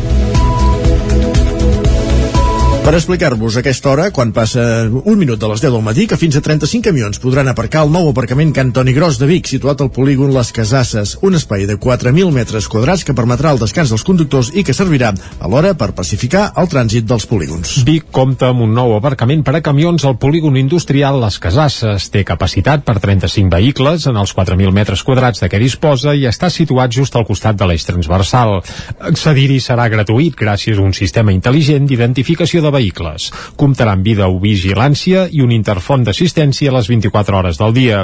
L'aparcament permetrà que els conductors puguin descansar i disposar també d'una zona de pícnic i serveis químics. El projecte, fruit del treball a la taula de polígons, era molt reivindicat i alhora permetrà afrontar un dels reptes actuals, la mobilitat als polígons i a les ciutats. Ho, de, ho remarca Bet Piella, que és regidora de promoció econòmica de l'Ajuntament de Vic. és una cosa que a vegades genera complicacions, dificultat i per tant si tenim 35 camions que en lloc de tenir-los voltant pels polígons els podem tenir aparcats aquí, doncs segur que amb això millorarem. I el que farem també és que no només ens quedarem amb aquest camió, amb aquest aparcament que podrà, on podran aparcar els camions sinó que buscarem algun sistema, ja ho estem mirant algun sistema mm, informàtic, alguna aplicació que permeti que els camioners que estaran aquí aparcats tinguin l'avís d'anar a descarregar o a carregar a la fàbrica en el moment En el projecte del nou aparcament hi havia treballat també Juan José Ortega Castellano, l'Ortega, que havia estat també president de l'Associació d'Empresaris del Polígon Industrial Malloles del 1996 fins al 2020. Tota la família de Vic i del polígon li va retre un homenatge descobrint una placa en record seu i plantant un roure al Parc del Molí del Llobet. Escoltem per aquest ordre Anna R, alcaldessa de Vic, Anna Maria Arumit, de l'Associació Industrials Nord-Est Vic i Toni R, del Parc d'Activitats Econòmiques de Vic. Aquesta capacitat humana, és a dir, aquesta riquesa que pot tenir una ciutat de persones com ell, que t'ajuden a fer una ciutat millor, que t'ajuden a fer veure les seves necessitats i que nosaltres només el que hem de fer és estar al costat. Va anar tocant portes, treballant, impulsant i fent créixer aquesta associació d'empresaris del polígon industrial Malloles de Vic i convertint-la al que és ara, l'Associació Industrials Nord-Est Vic. Era un home, diguem, exigent, era un home, diguem, sèrio, un home que, que sempre anava per feina, però que vull dir, et feia sentir molt, molt acollit i molt agradable treballant amb ell. L'Ortega va treballar per millorar la seguretat i la prosperitat dels polígons. Abans de l'estiu, l'Ajuntament de Vic vol instal·lar tres càmeres de seguretat en altres polígons de la ciutat, a més de diversos desfibriladors a la zona industrial. També es treballa ja en un projecte d'autoconsum a través de la compra d'energia agregada. Més qüestions. Les obres del carrer València de Camprodon s'iniciaran just després de Setmana Santa. Isaac Muntades, des de la veu de Sant Joan. Les obres per fer el projecte d'urbanització del nou carrer València de Camprodon començaran el pròxim 19 d'abril i tal com va anunciar l'Ajuntament després de fer-se el procés participatiu, el vial serà d'una sola peça en plataforma única i sense barreres arquitectòniques. Cal recordar que l'obra ve finançada en gran part pel Pla Únic d'Obres i Serveis i la Diputació de Girona amb un import de 476.000 euros. La durada dels treballs ha de ser de 3 mesos perquè és una obra relativament ràpida i per tant el carrer hauria d'estar acabat a finals de juny o principis de juliol, però la meteorologia tan inestable aquestes darreres setmanes i la mateixa evolució de l'obra podrien provocar endarreriments. L'alcalde Xavier Guitar va recordar que es van presentar quatre empreses al concurs públic per fer el carrer i va guanyar una empresa de Massanet de la Selva però que hi va renunciar pels següents motius. Va presentar la BOB, va presentar tots els credencials per tirar endavant l'obra, o sigui que és veritat que degut a aquest tema de l'increment dels materials i una mica de, de l'increment de tots els costos, l'empresa ens va demanar com el pressupost que havien presentat no podien complir. Degut a això aquesta empresa va presentar la renúncia a l'obra per no enganxar-se els dits amb el tema aquest de les pujades de materials i automàticament eh, vam perdre tot aquest temps, aquest impàs, aquest mes llarg fins que vam arribar a la renúncia de la primera empresa. Immediatament el consistori es va posar en contacte amb l'empresa que havia quedat en segona posició, Paviment i Obres Bou, que ja ha pagat l'aval i ha participat en l'acte de replanteig. Actualment estan mirant l'ajust del preu del tema del paviment i el formigó i aquesta setmana faran una sèrie de prospeccions al carrer per veure on estan situades les canonades i altres elements i el tornaran a tapar abans que comenci la Setmana Santa, ja que l'Ajuntament vol que el poble estigui en condicions per aquests dies festius on s'espera el retorn de la processó i d'una important quantitat de turistes. També a partir d'aquest dimarts es començarà una ronda per explicar un per un a tots els comerciants i veïns com aniran els treballs. I a la pàgina econòmica de la Viuda absorbeix la biguetana Cacau s'empaca. El grup de gran consum ha comprat el 100% de les accions als antics propietaris de Chocovic. El grup de, can cons de gran consum de la Viuda, especialitzat en productes de confiteria i snacks comercialitzats a través de les marques de la Viuda i l'Almendro, ha comprat la xocolateria d'alta gamma usonenca Cacau, s'empaca. L'operació de la qual no ha transcendit l'import s'ha conegut aquesta setmana. El grup manxec ha adquirit el 100% del capital social de Cacau s'empaca, fins ara pro propietat de la família Rius, titulars també de l'empresa de processats de cacau Nederland i que l'any 2009 va vendre Chocovic a Barri Calebut. En un comunicat, el grup de la Viuda assegura que mantindrà l'estructura de Cacau s'empaca i la planta de Vic, amb l'objectiu d'incorporar una nova unitat de negoci al grup amb perspectives de creixement i al marge de les línies de gran consum on opera habitualment el grup. Cacau s'empaca és una empresa especialitzada en la creació de cacau i xocolata d'alta qualitat, que destaca per cuidar cada detall del procés d'elaboració, des de la selecció de les faves de cacau fins a la presentació del producte final. Cacau s'empaca va néixer a Vic l'any 1999, fruit de l'impuls de petits accionistes provinents de sectors diversos com els xocolaters usonencs Quim Vila i Ramon Morató, Jaume Bonaren, que aleshores era director comercial de Chocovic, o el cuiner Albert Adrià. Però també la família Rius, que era propietària aleshores de Chocovic i titular també de la companyia Nederland amb seu a Viladecans, que processa productes de cacau. El 2009 la família Rius es va vendre Chocovic a la Suïssa Barrecalebut, però es mantenia a l'accionariat de Cacau Sampaca. Poc després, arran de la crisi financera, va comprar les accions de la majoria dels altres socis. Ara, la pandèmia ha suposat un sotrac important per l'empresa de Vic, la facturació de la qual no va arribar al milió d'euros el 2021. Amb una vintena de treballadors, serà el grup de la Viuda qui la reimpulsi, confiant en la mateixa estructura que ja tenia. L'Arxiu Municipal de Caldes de Montbui mostra l'expedient d'un préstec de 90.000 pessetes de 1921. Ona Codinenca, Caral Campàs. L'Arxiu Municipal recupera aquest abril l'expedient d'un préstec de 90.000 pessetes aprovat pel Ple Municipal de juny del 1921. L'emprèstit fet a través del deute públic emès per l'Ajuntament es va repartir en 180 títols de 500 pessetes a un interès del 6% i amortitzable en 15 anys. Tot i això, finalment, només va ser necessari col·locar 144 títols per un import de 72.000 pessetes i es va acabar amortitzant en 10 anys. Aquest préstec es va aprovar amb l'objectiu de comprar la casa número 11 de la plaça de la Constitució, l'actual plaça de la Font del Lleó, per construir-hi el nou Ajuntament. Els diners, a més, havien de servir per finalitzar les obres de l'escorxador.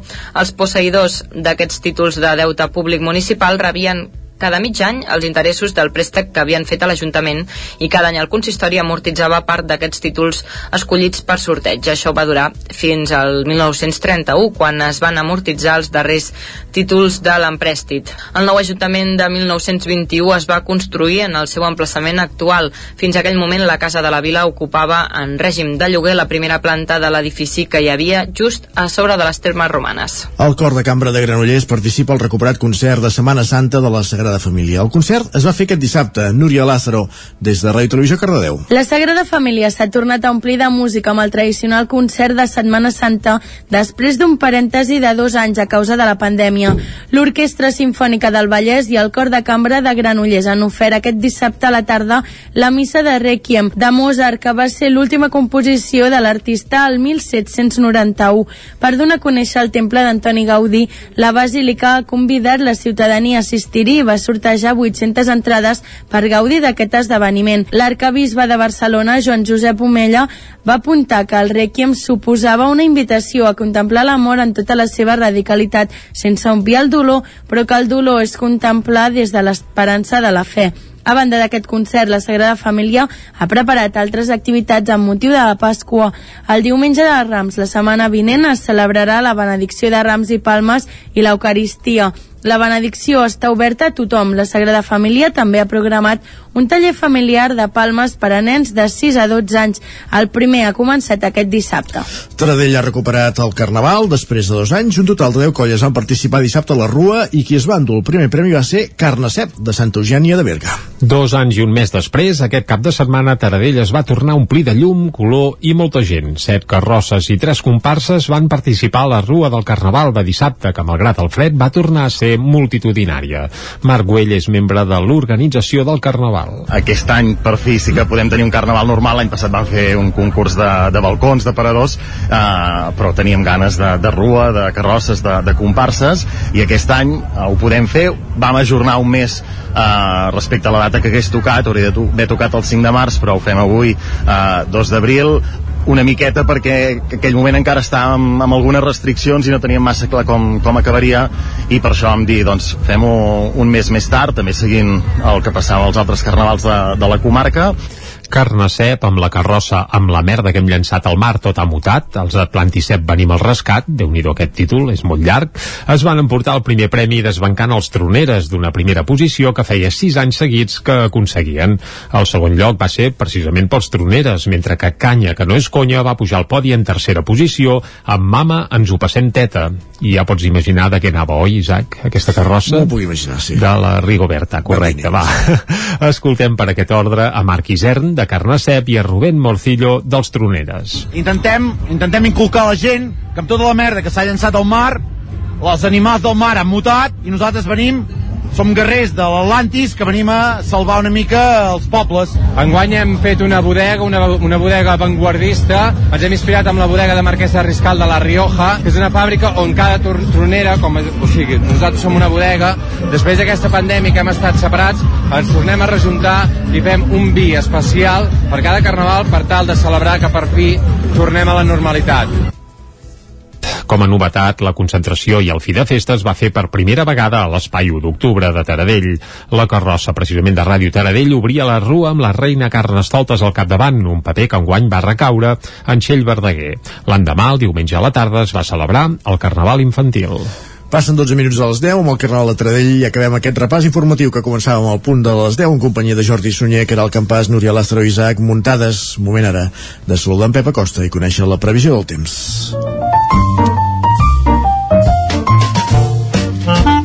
Casa Terradellos us ofereix el temps.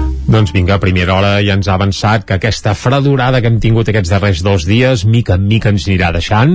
Avui ja no plourà, no caurà neu, encara menys, i ara fa un solet, Isaac, ben, ben polit, eh? Aquí a Vic, si més no? Sí, almenys aquí a la plana, sí, sí, sí, sí, i a més... Però fa fred, eh, que surt un moment i apreta encara. Sí, bé, al matí estava tot gelat, eh? Per tant, atenció amb els que teniu bé, uh, hort, uh, sobretot arbres fruiters, si els podeu abrigar una mica, perquè aquests dies de fredurada és bastant perillós que, que rebin, sobretot penso en nogueres, uh, i bé, i és molt perillós. Vull dir que si podeu fer alguna cosa, feu-ho, va, però saludem ja en Pep i que ens avanci el temps que ens espera per les, per les properes hores. Pep, bon dia de nou. Hola, molt bon dia. I molt bona hora. Això comença a retirar-se, ja és mm -hmm. història aquesta... Fredurada, sí. Una de fred, mm -hmm. que ens ha afectat, i avui els vents es comencen uh, a desplaçar d'est cap a oest. Uh, comencem a tenir una petita entrada de vents de llevant, que va ser la dominant durant molts dies, al mes de març, i això comença a perdre força aquesta entrada de vent de nord i els vents comencen a girar a llevant i per tant seran més humits i també bastant més càlids. Tot i això, aquesta nit encara ha glaçat en algunes poblacions d'Osona, del Vallès, del Moianès, encara ha glaçat, i a molt alta muntanya sí que s'ha notat ja una pujada de les temperatures. Mínimes de només 2-3 sota 0 a molt alta muntanya quan veníem, fa poc ho he dit de valors de 15-16 negatius. Per tant es nota ja aquesta entrada de vents eh, més, més suaus eh, sobretot a alta muntanya. Durant el dia d'avui els núvols aniran avançant de sud cap a nord i la nuvolositat s'anirà fent més compacta al llarg del dia però sense precipitacions. Les temperatures màximes ahir encara van quedar bastant curtes, la majoria entre els 10, 12, 13 graus. Avui hi ha bastantes poblacions, superarem els 15 graus. Les temperatures s'aniran normalitzant a poc a poc, ja no farà tant de fred com els últims dies. I això és tot, a disfrutar d'avui dimarts, i durant tota la setmana anirà pujant la temperatura i es anirà normalitzant. Moltes gràcies, fins demà. Adeu. Exacte, demà més, Pep, que vagi molt bé, i, I amb ara- aquest solet, Isaac... Cap a l'entrevista. Exacte, anem-hi. Cap al Mercat del Ram, som-hi. Casa Tarradellas us ha ofert aquest espai. Territori 17. Envia'ns les teves notes de veu per WhatsApp al 646 079 023. 646 079 023. WhatsApp Territori 17.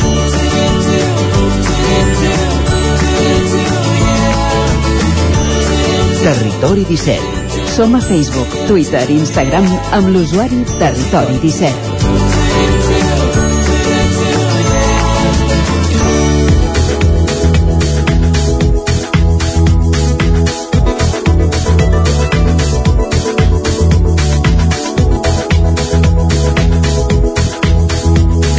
Aquesta setmana Vic recupera el Mercat del Ram en el seu format eh, habitual i no només arriba al Mercat del Ram, sinó que arriba amb un preludi que és el Congrés BIT, aquest congrés de biotecnologia, de bioeconomia, que tindrà diverses ponències, tallers, eh, jornades durant dos dies, entre dimecres i dijous, els dies 6 i 7 d'abril, i a partir de divendres arriba la part més popular, més festiva de, del Mercat del Ram.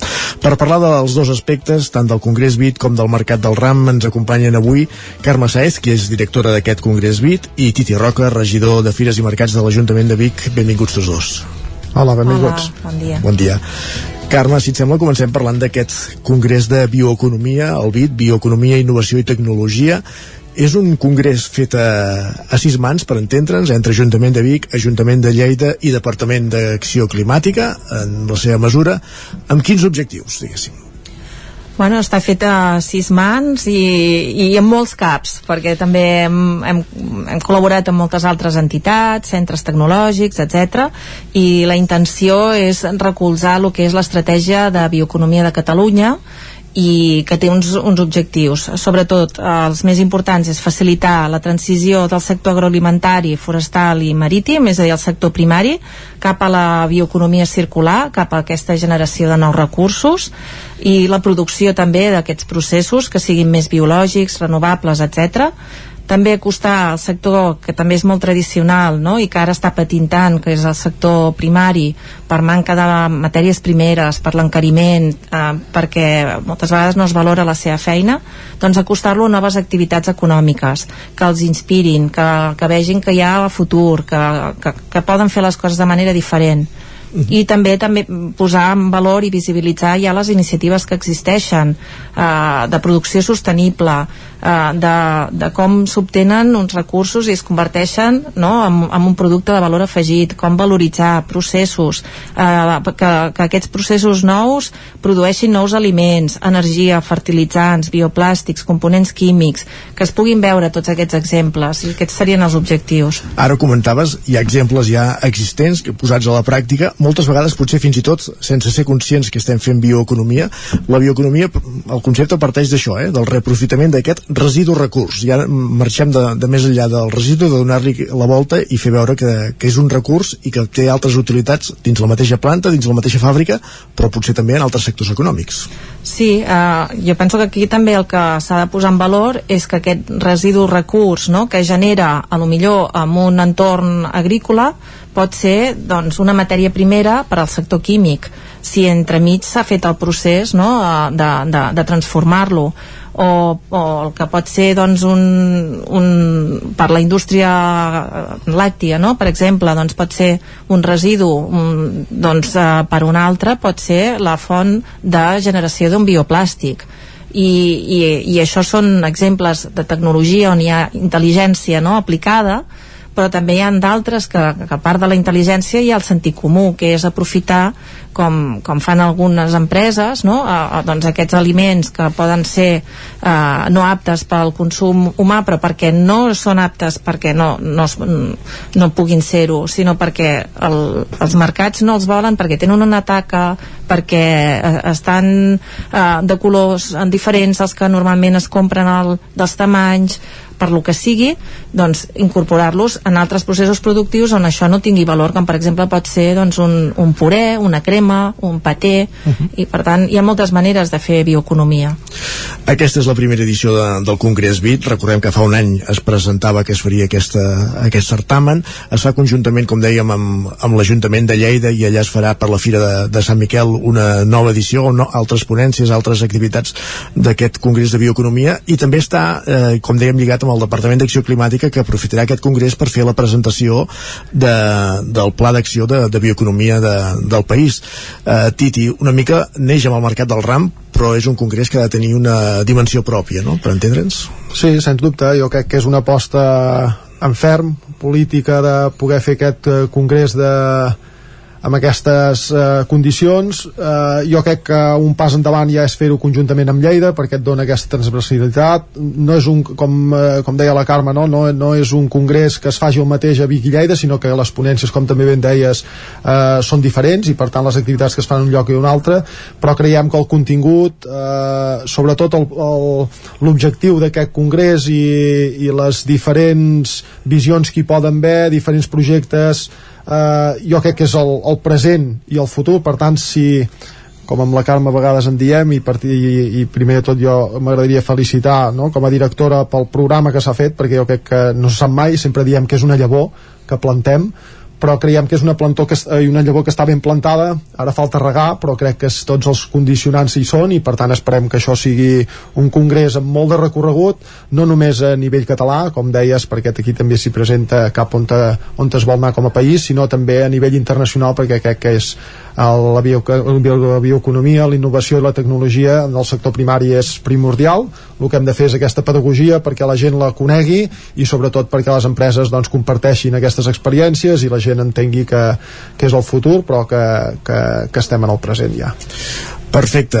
Això, com dèiem, seran els dies 6 i 7 d'abril eh, dimecres i dijous d'aquesta setmana dijous al vespre i Maullic ja pronuncia el, el pregó del Mercat del Ram i la festa de la primavera a la comarca d'Osona doncs comença ja divendres diguéssim amb tot el seu esplendor Sí, per sort tornem a presentar, com deies, un mercat del ram com és habitual. Uh, la veritat és que va ser la primera jo crec que la primera fira que vam tinguer de, de plaçar fa, fa dos anys eh, no havia passat mai que si tingués d'anul·lar un mercat del ram. Per tant jo crec que tot Vic i comarca l'esperen.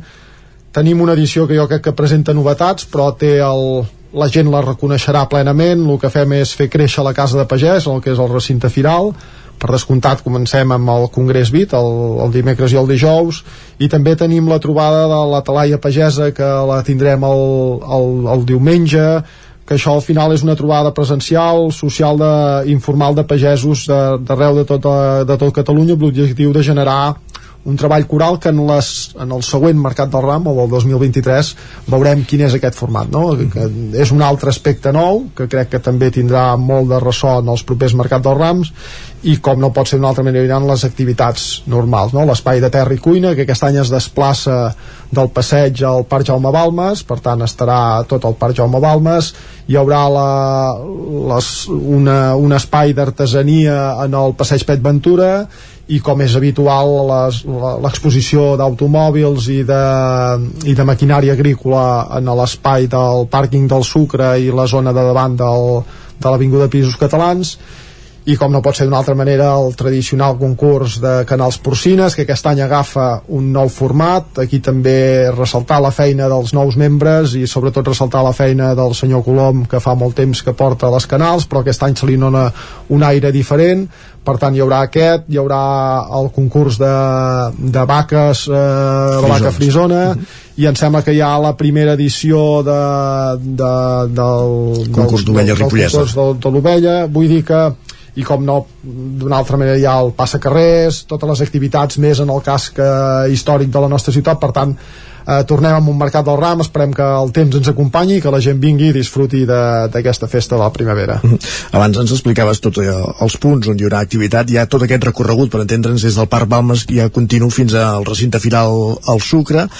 Eh, el que és l'aparcament de sorra, ara ho comentaves, forma part de, de l'exposició de maquinària agrícola, per tant no hi haurà la gran carpa on s'hi feien els concursos ramaders, aquesta gran, parca, gran carpa s'ha instal·lat al recinte firal, a l'exterior de, del recinte firal, on es fan aquests concursos ramaders ramaders i a dintre sí que hi haurà tota l'exposició eh, ramadera, agrícola, diguéssim, integrada dins aquesta casa de pagès. Una mica és tot aquest el recorregut de, de la fira, eh? Sí, el que hem volgut és canviar una mica, treure, treure diguéssim, el que era tota la la, la, la zona de, del passeig, incorporar-la al costat del riu perquè ens faci d'unió, diguéssim, del que és tots els aspectes de, més de, de l'Avinguda Països Catalans, el recinte firal i tota la zona del Sucre i que baixés i abracés el riu, per tant hem incorporat eh, aquestes dues zones d'exposició i sobretot, com et deia, fer créixer la casa pagès, no? Eh, és un dels aspectes que crec que des dels seus inicis ha tingut bona acollida, crec que és una altra manera de fer pedagogia de com es viu a pagès, com, què es fa no? i per tant eh, durant tots, eh, em sembla que és a partir de dijous eh, passaran aproximadament totes les escoles de Vic, per tant més de 400 nens que podran veure i viure aquesta casa de pagès, hi ha l'obrador, hi ha la cabanya, hi ha el graner, hi ha l'or, hi ha l'estable, hi ha diferents zones, jo crec que també bueno, és, un, és una manera no, de fer aquesta pedagogia, de, de, de, de donar ressò no, de, que, de que aquest sector primari, en aquest cas el ramader i la, i l'agricultor, que és el que ens toca més de prop a la nostra comarca, no? la feina està ben feta, que té un valor que té un cost i per tant no, donar valor a tota aquesta feina i sobretot que a vegades eh, lo fàcil és posar en veu de que les coses sembla que no es fan bé i jo ressaltaria que les feines estan molt bé, cada vegada es volen fer més bé i per tant eh, estar al costat d'aquests sectors és el que ens pertoca i, i per tant que, que la festa del Mercat del Ram sigui totalment plena. Perfecte, torna al Mercat del Ram, ho fa amb aquest preludi del Congrés BIT, n'hem parlat avui al Territori 17. Titi Roca, Carme Saez, gràcies per ser avui amb nosaltres. Gràcies a vosaltres. I el Territori 17 que avança, que continua. Ara farem una petita pausa, res de 3 minutets, i reprenem el programa amb la resta de continguts del dia. Ja ens esperen Guillem Sánchez amb les pilades més destacades que ha trobat a Twitter. Passarem per la taula de redacció en companyia de l'Isaac Muntades i d'en Jordi Vilarrodam. I abans de les 11 ens acompanyarà a Manel Dot, observador meteorològic, per parlar del temps, per fer balanç de com ha estat aquest mes de març i aquest cap de setmana pràcticament d'hivern que hem passat per començar el mes d'abril. Com dèiem, fem una pausa i tornem. El nou FM, la ràdio de casa, al 92.8. Ja tens la teva disfressa? Carnestoltes a Manli. Vine i demana'ns la disfressa que vulguis. Trobaràs un món de fantasia en disfresses i complements per al Carnestoltes. Hi ha uns preus especials. Som al carrer Ramon Soler, número de Vic, i també ens trobareu a manli.cat. Fem de la festa una bogeria. Una bogeria. Estàs afectat pel càrtel dels cotxes? Si vas comprar un cotxe entre el 2006 i el 2013, pots recuperar fins a un 15% del preu de compra. Contacta amb Puig de Canet Advocats i et tramitarem la reclamació en col·laboració amb Redi Advocats, un despatx d'abast estatal amb més de 40.000 afectats, sense pagaments, sense riscos i sense judicis. Només cobrem si tu cobres. Truca al 93 883 3223. Això és el que s'escolta al voltant d'una caldera saunia d'Oval tranquil·litat i benestar, perquè gaudeix del millor manteniment del servei tècnic oficial per estar despreocupat. O el que vulgui. Informis a Oficiat Nord trucant al 938860040. Saunier Duval, sempre al seu costat. Cobertes serveis funeraris. Els nostres tanatoris estan ubicats en els nuclis urbans més poblats de la comarca d'Osona per oferir un millor servei. Tanatori de Vic, Tanatori de Manlleu, Tanatori de Centelles i Tanatori de Roda de Ter. Sabem que són moments difícils i per això el nostre compromís és atendre-us en tot moment amb un tracte humà, sensible i respectuós. Cobertes serveis funeraris. Telèfon 24 hores 93 883 23 46. A la rostisseria El Plat ens agrada la cuina de sempre, la de les àvies i de les mares, la cuina feta amb paciència com s'ha fet tota la vida. Vine a provar els nostres canelons gruixuts o els croquetons, les nostres croquetes de 80 grams, i recupera el gust del pollastre a com els que es menjaven abans. Ah, i aprofita, fins a finals de febrer, 20% de descompte en els canelons i el pollastre. Rostisseria El Plat, encàrrecs fins a les 12 del migdia i servei a domicili. Ens trobaràs de dijous a diumenge al carrer Església número 6 de Taradell o al 93 130 35 58 85. Cocodril Club. Si t'agrada la bona música dels anys 60, 70 i 80, escolta el 9 FM els matins de dissabtes i diumenges d'11 a 1. És el temps del Cocodril Club, tot un clàssic de la ràdio, amb les bases del pop-rock, les llegendes, les cançons que s'han convertit en autèntics himnes. Recorda, dissabtes i diumenges al matí, d'11 a 1, al 9 FM 92.8. Cocodril Club, el programa revival de l'Albert Malla. Hasta luego, cocodrilo. El nou FM, el nou FM, el nou FM, el nou FM. En punt, dos quarts d'onze al territori 17.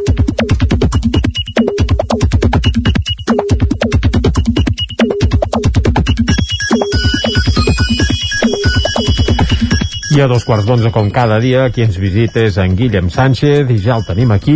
Guillem, bon dia. Bon dia, Jordi, bon dia, El Isaac. Guillem, Ah, que bon fa dia. cara d'estar despert, eh? tot i que ahir sabem que, que vas anar de festa, eh? Jo, jo, jo ara quan hem posat aquesta sintonia he pensat ara en Guillem es pensarà que el persegueix la policia eh? No, no, no, veure, no. ha començat a veure llums blaus ja i... No, no, no, no doneu una imatge de mi que no es correspon amb la resta. Bé, per la gent que ens escolta des de casa, que, sapi, que sàpiguen que ahir es va fer el sopar de Nadal, eh? Correcte. De, per exemple, del grup El 9-9, en- entre cometes, així ja estem tots situats. Anar bé, eh? Sí? correcte, correctíssim, correctíssim. Perfecte. Esperant ja el del 2022, no? Aquest era el, el del 2021. Sí, doncs, sí, sí, sí. Bé, tant de bo, exacte, per temes de Covid es pugui fer, Quan es puguin toca. fer les coses quan toca, sí, sí, però vaja. Molt bé, per molts anys, va, anem al gra, vinga, per on arrenquem? avui? Doncs va, per la gent que ja té ganes de vacances, no de Nadal, però sí potser de Setmana Santa Oh, tant, o d'estiu. Ens diuen tots, Totes, sempre. tots, tots els cossos humans estan necessitant ja uns dies de vacances. Ara bé, si marxeu de vacances, espero que les dates no us juguin una mala passada, perquè llavors passen coses com aquestes que ens escriuen. Vosaltres també us equivoqueu de més quan feu reserves? Vull dir, comprar bitllets d'avió pel dia 20 d'abril i de tornada dos dies després, el 22 de maig. A mi no m'ha passat mai. No ha passat mai. No? no mai no vol dir que no pugui passar. Que no pugui passar. I quan, quan en fas pocs de viatges, com és el meu cas, eh, és més difícil que passi, també és veritat, eh? Entre els usuaris de Twitter, per això, molta solidaritat, com per exemple aquesta resposta. Jo també la vaig cagar una vegada i no em tornarà a passar. Lo típic que et surt més car canviar el vol que no pas comprar-ne un de nou. Va ser el típic vol que surt tard al vespre i arriba més tard de les 12 de la nit i per aquí la vaig liar.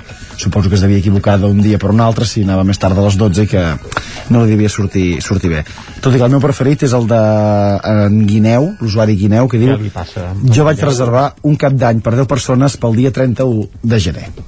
Carai, ho devia fer les guilleries, no? Com a guineu que, que és, però bé, bé, està bé, està bé. Possiblement, però no calen reserves, Home, però... tenint en compte que el, el sopar de, de Nadal el van fer ahir, fer un cap d'any el 31 de gener tampoc és mala idea, eh? Cap problema. Bé, bé. Però no calen reserves, però és, per exemple, per anar a Call d'Atenes. Ara veu de pensar en quin mitjà de transport feu servir, perquè la Jus ens explica aquest matí hem anat a Call d'Atenes des de Vic amb una bicicleta, un trajecte de 10 minuts. Hem buscat aparcament pel voltant de l'Ajuntament, però hem hagut de lligar-les en una barana.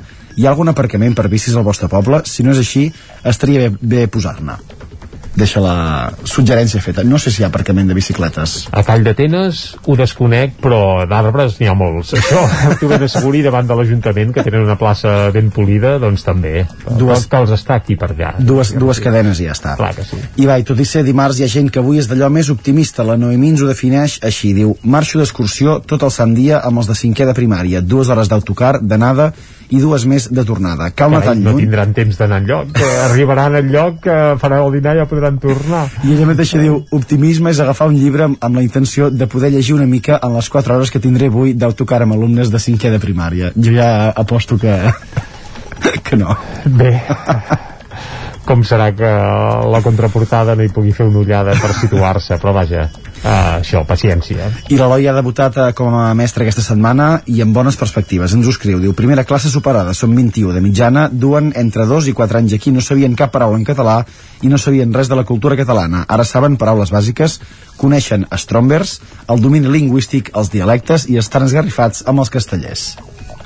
Bé, doncs vinga, visca una la, bona- visca la pedagogia i tant que sí. És una bona entrada en la, en la cultura catalana, Strombers, castellers i dialectes, està, està perfecte. Molt bé. Va, i per qui no hagi estudiat màrqueting, aquí una bona classe pràctica de la mà d'en Ramon i de la seva àvia. Ara, pla, aviam. Diu, l'algoritme publicitari actua com una àvia que recorda que un dia vas menjar galetes per compromís i des d'aleshores t'ofereix cada dia les mateixes galetes perquè es pensa que t'agraden molt. Realment funciona així. Mm, sí, això em sona. Podríem repescar alguna anècdota.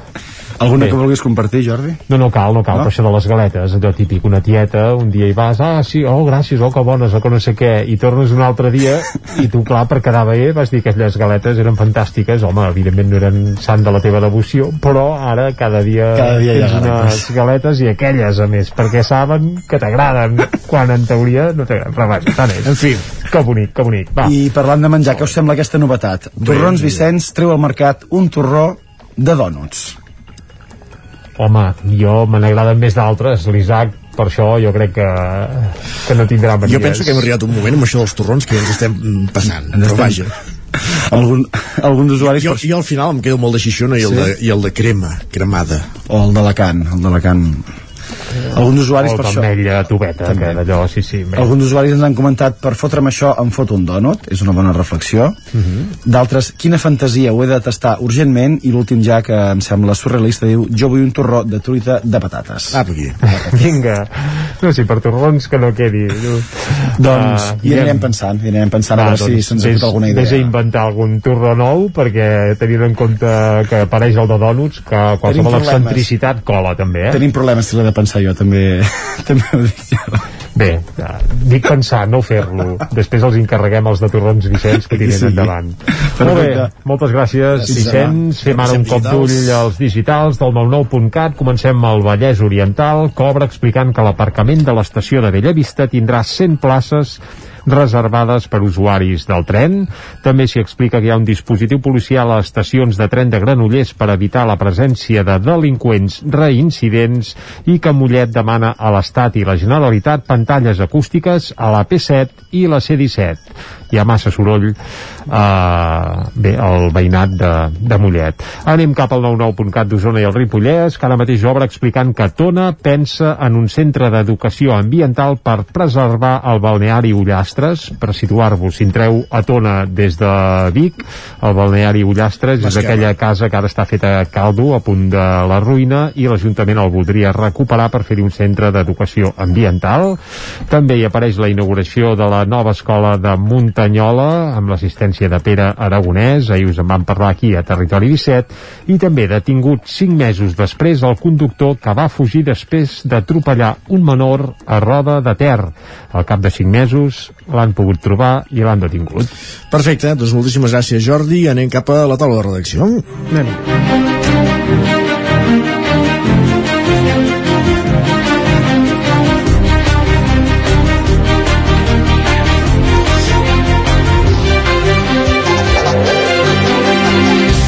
Taula de redacció avui en companyia d'Isaac Muntades i de Jordi Vila Rodà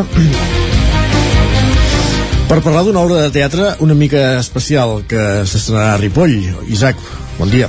Bon, bon dia, bon dia.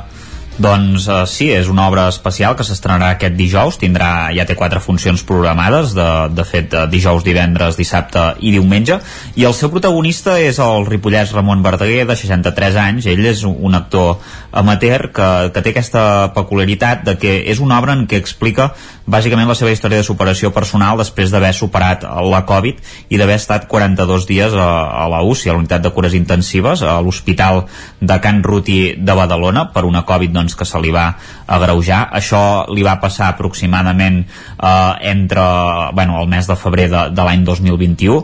Ell, doncs, eh, com aquell qui diu, no, no es va despertar doncs, fins a, fins a, a l'abril i, i bé, doncs va ser un, uns dies en què evidentment no recorda absolutament res, però sí que després eh, va tenir també una, una llarga recuperació Uh, va haver d'anar també uns 15 dies a Can Davant a recuperar-se després a més a més va llogar una, una fisioterapeuta doncs, perquè pogués ajudar-lo a recuperar-se a poc a poc perquè uh, cal dir que ell va estar intubat uh, va patir dues intubacions una traqueotomia, també un pneumotòrax i se li va rebentar uh, una artèria i va tenir dues infeccions bacterianes. Vull dir que va tenir moltes complicacions durant tot aquest temps que va estar ingressat Sí, sí, i tenia, de fet, eh, pràcticament no tenia opcions de sobreviure, eh? tenia un 95% d'opcions de morir, eh, que això és el que van comentar els metges i, i doncs al final doncs, sortosament el 5% que, que restava és el que li va permetre doncs, aferrar-se a la vida i va, va poder sobreviure i bàsicament l'obra de teatre comença a partir de que ell ja està més, més recuperat, encara amb seqüeles evidentment de, de la Covid, però cap al juliol del 2021 comença a escriure doncs una mica totes aquestes vivències, aquests sentiments i es troba amb el director i dramaturg Jordi Pérez, a qui li comenta doncs, que, que ha fet això i a veure si el pot ajudar i fer alguna cosa no? I, i a partir d'aquí doncs, es gesta doncs, aquesta obra de, de teatre en què bàsicament eh, és una obra eh, que es fa en el cicle íntims del Teatre Comtal de, de Ripoll eh, per, de petit format també perquè Ramon Verdaguer arran de la Covid també ha, ha patit alguna seqüela a la veu i seria difícil doncs, fer-ho en un teatre més gran. I en ella hi apareixerà doncs, en Ramon explicant una mica la seva història.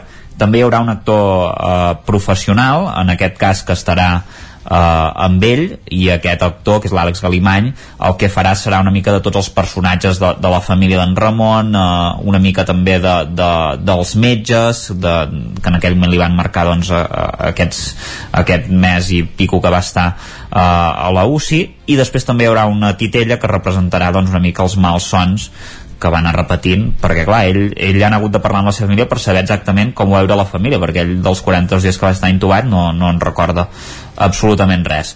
I, i bé, és una obra que s'espera que un cop s'estreni, doncs evidentment eh, pugui eh, voltar una mica també per tot Catalunya i que no es quedi només aquí a Ripoll. De moment no hi havia altres eh, funcions programades però s'estava parlant ja amb, amb ajuntaments perquè realment està molt bé. S'haurà de veure com va, ell, ho hem dit al principi ell no és un actor eh, professional ni molt menys però ah, sí que ha fet teatre de forma amateur des de l'any 83 vull dir que una mica la mà trencada sí que hi té en aquest sentit i, i segur que, que ens arribarà a emocionar perquè l'obra eh, sí que té visos de de drama en certa manera però també de comèdia mm -hmm. Vull dir, Teatre, una mica de, de tot Teatre en primera persona s'estrena dijous, has dit? I quan són aquestes S'estrena uh, l'hora ara mateix no te la sé dir. Sé que és a la tarda, em sembla que és cap a les 7 o, o, la, o de les 8 de la tarda perquè cada dia també és una hora diferent perquè ja clar, es fa dissabte i diumenge també i divendres. Fan do, uh, 4 dies seguits 7, 8, 9 i 10 i ja estan exaurint les entrades també hem de dir. D'acord, doncs eh, esperem que la tornin a programar com bé deies en altres punts per, per poder reveure els que no tinguin entrades per aquestes quatre funcions. Gràcies Isaac fins ara. A vosaltres. Bon dia. Adéu. Continuem aquesta taula de redacció i de la veu de Sant Joan tornem als estudis del 9FM amb en Jordi Vilarrodà per, ara parlàvem d'un actor que s'estrena d'aquesta manera, diguéssim explicar una experiència pròpia i el que farem ara és parlar d'una documentalista que també que s'estrena eh, amb un documental que fins i tot s'ha exhibit al, al Festival de Màlaga, Jordi. Efectivament, és una realitzadora jove que es diu Alba Bresolí, és de Muntanyola i Uh, va fer un documental que ara recentment uh, va entrar doncs, a concurs en el Festival de Màlaga que és un dels festivals de cinema mm, realment prestigiosos a l'estat espanyol i eh, no va tenir premi però sí una menció especial del jurat que, que és meritòria perquè era un documental una producció molt petita molt modesta que de fet venia d'un treball universitari de final de grau i que va fer forat doncs, en un festival potent com el de Màlaga. Eh, es diu El dia que volaron la muntanya la història que explica aquesta realitzadora usonenca, l'Alba, és, eh, és la de tres persones, tres germans, que viuen en un poble de l'Aragó, un poble que es diu Escó, que està sobre l'embassament de Iessa. Si algú hi està mai, és molt gran. De fet, en diuen el mar del Pirineu, d'aquest embassament. Uh -huh. I, i aquest, eh, aquest poble doncs, estava situat just a sobre l'embassament no, quan es va crear l'embassament a finals dels anys 50, en ple franquisme no va arribar a inundar, però sí que va inundar totes les terres de Conreu i la gent en va haver de marxar, però van quedar tres per... va quedar una família, de fet un pare, eh, i, i tres germans que ara són els protagonistes d'aquest documental pare ja és mort que han volgut resistir en aquest poble fantasma que no hi ha ningú, només ells amb uns ramats ovelles que tenen i com, com, a, com a, en fi, eh, tossuderia de no voler marxar del lloc on són i ara, a més a més, al cap dels anys no és només l'embassament que un, un dia els va inundar terres de Conreus, sinó que, a més a més, ara els amenaça una carretera que és, eh, que en diran l'autovia del Pirineu, autovia dels Pirineus, que també passarà per allà i torna a ser una altra amenaça per aquesta gent que estan en un poble on només hi són ells. Eh, I i l'Alba el que ha fet és anar-los a veure, seguir-los, guanyar-se d'alguna manera també la seva confiança, perquè un documental d'aquest tipus es basa també en la relació de confiança mútua amb un equip lleuger que era ell el director de fotografia, ella, el director de fotografia, a vegades una altra persona de suport i anar treballant amb ells durant 3 anys. És com entrar de puntetes en la vida d'unes persones sense molestar. Eh, ella diu que li va anar molt bé explicar que era d'un poble, també, que no li posessin l'etiqueta de, de noia de ciutat, uh -huh. i anar entrant en la vida d'aquesta gent, que és la que explica aquest documental que dura uns 30 minuts, que és preciós, que per com a testimoni humà de resistència d'aquestes persones, de conèixer aquesta gent que a més a més donen sorpreses perquè eh, n'hi ha un doncs, que fa escultura, l'altre és una persona doncs, que, que entén doncs, tot de, de temes de, de, de tradicions populars i, i una gent que ha decidit nosaltres això és el nostre país, no en volem marxar mai. Eh, doncs aquest documental el dia que volaron la muntanya eh, aquesta història d'aquest poble abandonat i aquestes tres persones que encara hi viuen de l'Alba Bresolí és el que ens ha descobert aquesta realitzadora que havia fet ja un parell de treballs anteriors, més modestos i que diu que vol continuar treballant en aquest gènere del documental, que és un gènere molt potent ara en l'àmbit de l'audiovisual i eh, sí pot ser, diu ella, seguir treballant sobre l'àmbit rural, que és del que prové ella de Muntanyola i deia Muntanyola mateix hi ha persones grans que mereixerien també un documental com aquests i per tant doncs acabem de trobar una nova, una nova veu, una nova directora doncs usonenca que comença el seu camí d'una manera molt, molt potent doncs, en, aquest, en aquest àmbit del cinema documental.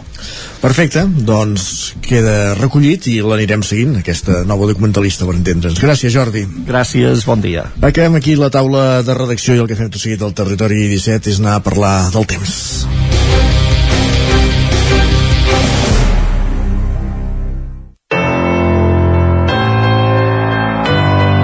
Territori, Territori 17. 17. Territori 17.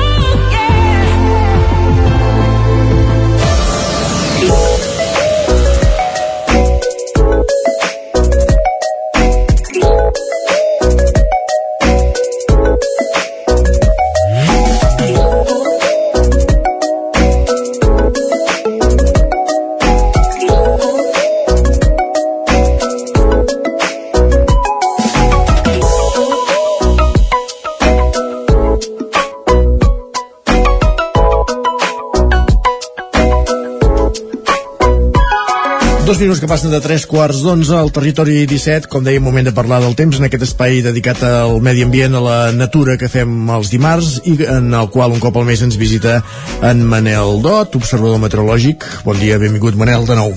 Hola, bon dia. Es, eh, D'entrada, el que fem sempre en aquesta secció, ja ho sabem, és repassar com ha estat meteorològicament parlant el mes de març, però és esclar, hem tingut una entrada del mes d'abril pràcticament excepcional, amb aquest hivernet que ens ha fet aquest cap de setmana, amb nevada inclosa. Eh, és poc habitual, però entenc que buscant històrics trobarem altres abrils com, com aquest, o no? Uh, compto que sí, eh? Com aquest, a veure, amb gruixos sí que és uh, poc habitual el gruix que, que ha caigut. De, per exemple, va ser molt local, per això el fenomen aquest de, de, de gruix de neu, eh, sobretot va ser el cantó de Sant Boi, eh, el Pens, eh, també el cantó de Lluçà, on va caure més, més neu, entre 23, per exemple, el, a Sant Boi, uh -huh. a 16 al Pens, entre 16 i 7 al Pens, i, i entre 8 i 10 el que és a Lluçà, que van ser el que van, que van rebre més. Uh, segur que en trobaríem alguna mm, sense tan gruixos de neu hauríem de mirar el que és la neu en tot cas quan fem el repàs de l'abril llavors mirarem a veure si, era, si és o no hi és. Però amb temperatures baixes sí, ja no hem pas fet rècord el que és uh, a Vic per exemple i a punts de la comarca que hi ha algun altre abril que han baixat més. Uh -huh. Per tant, és això, moltes vegades sí que són coses excepcionals, però que uh -huh. es van donant de tant en tant en el temps, diguéssim. No, no, no, no ens atreviríem a atribuir-ho allò al canvi climàtic, no? Que, que ara ens fa un hivern que, que no toca, és senzillament circumstancial, que això a vegades passa, meteorològicament parlant, fenòmens d'aquests. Sí, sempre ho dic, el que és la, la comarca d'Osona i en especial la Plana de Vic, doncs eh, aquests fenòmens més d'un cop ens ha passat. Eh, jo destacaria, per exemple, el 5 de maig del 1991, que va fer doncs, a la tarda que hi ha uns borrions de neu a base de bé i era el maig, maig, que... maig. i n'hi ha un altre que va fer una bona nevada eh, que fins i tot es va carregar el que és tot el blat i el gordi però esclar, parlo ja del 1741 el 29 de maig. El, mil, el 29 de maig de 1741 eh, més, més cap aquí hauríem de mirar a veure què hi ha però per temperatures mínimes eh, en el mes d'abril n'hem tingut algunes de, de fins i tot una mica més baixes que aquesta Hem de patir pels cultius aquests dies o com tenim la cosa per aquí? Uh, bé, no sóc pagès però és evident que sí perquè el que és, sobretot el que és a veure, aquí a la comarca eh, molts arbres fruiters no en tenim però bueno, per exemple el que és la, les nogueres les nogueres, les, els ciderers eh, sí que han rebut, sobretot les nogueres que són més sensibles i, i hem tingut encara una mica de sort que l'últim, bueno eh, o sigui, el mes de, de març va ser un mes doncs eh, bastant tranquil·let. Eh, de temperatures ara, aquestes temperatures doncs, o sigui, el, el, el, el Fulà ha nascut una mica més tard de, del que tocaria gràcies a les fredolades que hem tingut el gener i que vam tenir, doncs, no, no, el març no, perquè el març està bastant, bastant normalet, ara en farem una repassada. Molt bé. I això ha fet, doncs, que no fluís de poder tan de pressa. Bueno, això ens hauria de dir més a una persona que entengui més, jo m'estic implicat més amb el temps, però bé, veig que, veig que sí que eh, ha rebut sobretot el que és la noguera i algun arbre segur que ha rebut amb tu a vegades el que comentem és això amb sabidoria, sabidoria popular que diríem uh -huh. uh, ara sí, parlem de dades de, del mes de març un mes de març en què per fi aquest 2022 hem vist aigua eh? Sí, i tant, no ens podem pas queixar, eh? Sobretot a partir de la segona quinzena. O sigui, ha fet eh, un parell de llevantades, eh, una ens va arribar pel cantó del Cabrerès, ja us dic sempre que quan ve pel cantó de Garrotxa, Cabrerès, eh, el cantó de l'Empordà, doncs deixa molta aigua en allà i va ser així, i en canvi aquí doncs ens en va deixar poca. Eh, es queda tota del Cabrerès cap, en, cap en amunt. Eh, en canvi, la segona llevantada sí que va ser bona, i ens va entrar pel, pel cantó de, de, Collsospina, de, de Collsospina i en aquí doncs eh, vam rebre de, de ple vull dir que els litres bueno, entre 50 i 60 litres eh, va caure pràcticament tot en un dia perquè va caure tot el 30 eh, entre el 29 sobretot el 30 i eh, aquesta llevantada doncs, ens va deixar molta aigua 53 litres per exemple que és aquí Vic i, i als voltants, a Matlleu també fins i tot em va passar i el punts que va fer menys aigua va ser pel cantó del Cabrerès i el, i el cantó del Montseny però tot i així es va fer una bona regada i tota que encara falta aigua no es podem pas queixar del mes de març perquè ha estat, ha estat eh, molt bé amb, amb, amb és amb precipitacions no, no, i a més, mm. com deies dues llevantades, llevantades que han portat aigua que no han fet mal i, I no han fet mica, mal, molt ben caiguda de veritat. molt ben caiguda i que convenia com bé, sí. com bé deies eh? l'únic que després a partir d'aquesta llevantada doncs ens va entrar hi va haver un corredor per entrar aire fred uh -huh. i aquest aire fred va ser doncs, el que va fer doncs, créixer nugulades el dia 31, l'últim dia del mes i ens va donar uns ruixats i tempestes eh, locals, perquè van ser molt locals, però per exemple el que és eh, que la Marçades i alguna pedregada i tot, fins i tot entre Ripoll, entre Ripoll, entre Torelló o sigui, va anar, va anar de, de oest entre, solen formar-se eh, cap al cantó del Pens i van baixant, no? I llavors eh, eh, van rebre més van ser doncs, la banda de Torelló, Sant Hipòlit de Voltregà, la banda de, un, un punt de les Masies també, i van anar tirant cap avall fins a arribar fins a Granollers, no? i llavors d'aquí aquí sí que va haver doncs, algunes calamarsades. Eh, la resta, poca cosa, eh, i poc, al centre, per exemple, poca cosa ens va caure. Dades, va, d'aquest mes de, de març. Temperatures, deies, bastant el que plàcides, fa, eh? Sí, el que fa temperatures, eh, la mitjana, la mitjana de, de, de climàtica és de 9,2, ens vam quedar amb 9, amb dues dècimes, vull dir, dues dècimes és poc. El que fa temperatures màximes la màxima va ser el dia 28 eh, aquí per exemple a Vic amb 19,4 eh, entre els 19 i 20 graus va ser en general. I el que és la, la mitjana, bueno, la mitjana ja ho he dit, la mínima, doncs eh, no vam tenir masses, masses temperatures sota zero, en tenim més dies a, a aquest mes d'abril que no pas en vam tenir el, el, març de, el mes de març. Aquí tinc, per exemple, el dia 23 amb, amb menys 0,6 i destacar sobretot el que és la pluja general, eh, la pluja mensual, eh, per exemple a dalt a Cantoni amb 213 litres.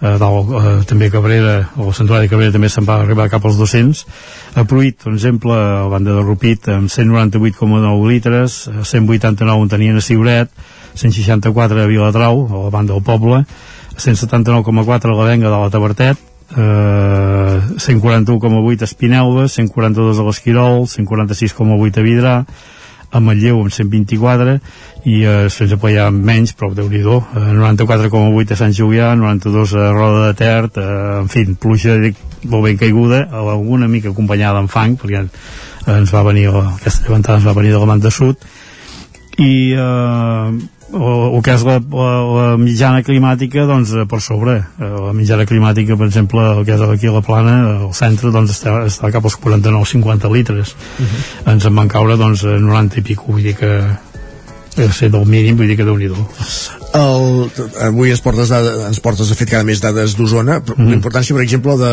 de la pluja a les capçaleres i ara penso per exemple amb, amb el Ripollès on neix el, el Ter eh, ha estat important, ha fet créixer el, el cabal de, del riu en aquestes últimes setmanes? Poc, poc. Poc. Sí, que fer poc, ha baixat una mica, però poc, li convé més, per això ho deia, que encara li convé més. I convidaria sobretot a les capçaleres, que a banda del Ripollès no ho va fer tant com en aquí, eh, llevantades sí que arriben al cantó de, de l'Aull de Ter, la zona aquesta d'aquí, de, de, de, de Cases, a Camprodon, però la resta doncs eh, poca cosa va fer. Eh, home, i tenim una bona nevada aquesta nevada que ens ha fet ara últimament de blanc fins a baix i però compte, compte que, que aquesta neu durarà poc eh? perquè les temperatures que ens venen em sembla que ho tenim, ho tenim clar no ens arriba el 2030 per fer els Jocs Olímpics vaja no, el 2030 ja veurem com anirà molt bé uh, què n'hem d'esperar d'aquests propers dies? Uh, he començat un abril fred, però semblaria que les temperatures han de començar a remuntar, no? Sí, de moment, a veure, l'abril ha estat, el consell de l'abril ha estat eh, bueno, espectacular, diria jo, no? Sobretot per aquestes nevades que dèiem però uh, les temperatures de moment tendència a pujar avui encara hem baixat cap a 4, 5, 6 sota 0 per exemple, el que és a baix uh, Sant Martí, Sant Martí Sant Sadurní i Sos Morts, uh, uh -huh. el quant de Bujons que hi tenim l'estació has baixat pràcticament ha fregat el 6 sota 0 aquest uh, és el, aquell punt considerat mm. més fred de, de la comarca? Sí, sí, si en busquéssim algun altre el trobaríem també. Som, som fondalades estil de Rupit, per exemple, Rupit és un canal també allò, eh, aquí també és un canal perquè és un canal i és clar, és eh, una zona doncs que tarda, costa poc de, o sigui, vull dir, és, és molt bac és molt bac i en aquella zona doncs clar, les temperatures baixen més uh -huh.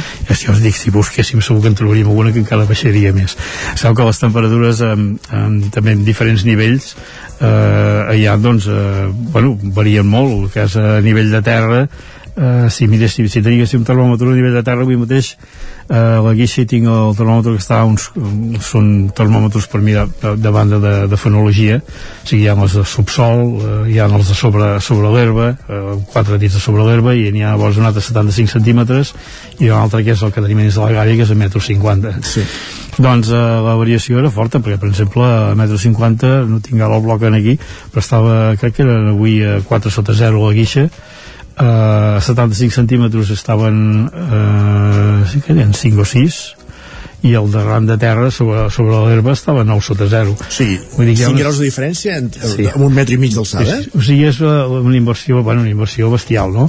eh, això mateix passa doncs el que és a la plana eh, o sigui, si mires a la muntanya ara mateix com que no ha entrat, ja, o sigui, ha deixat d'entrar aire fred a dalt a Bellmunt teníem sembla que eren 3 dècimes negatives en canvi baix a la plana tenien 3, 4, 5, 6 negatius o sigui, conforme vas baixant doncs la temperatura és més baixa és el mateix estil que passa doncs, eh, mirant aquestes, aquests, els termòmetres a diferents nivells doncs eh, hi ha doncs, temperatures a vegades doncs molt, molt, molt canvi, amb molt canvi com hem, com hem dit ara mateix no? Això és avui, però dissabte Mercat del Ram, la cosa canviarà molt, no? Uh, fem un repàs, a veure uh, de moment, aquesta, avui hem tallat un dia doncs collonut, uh, sí. net una visibilitat excel·lent i eh, es, com, es complica una mica aquest vespre. Aquest vespre s'acosta una perturbació que és una atlàntica vull dir que es deixarà o poder no deixarà ni res. Eh, núvols sí que n'hi haurà o sigui que això vol dir que demà les temperatures seran més altes les mínimes i les màximes si avui ens quedem cap als 16 graus doncs demà poden baixar una mica perquè eh, hi haurà cel més ennuvolat no? però en principi pot caure alguna gota demà a la tarda poc, jo crec que sí, serà anecdòtic si no es, si no es reinicia i no es, no es reactiva res perquè aquí hem d'anar així.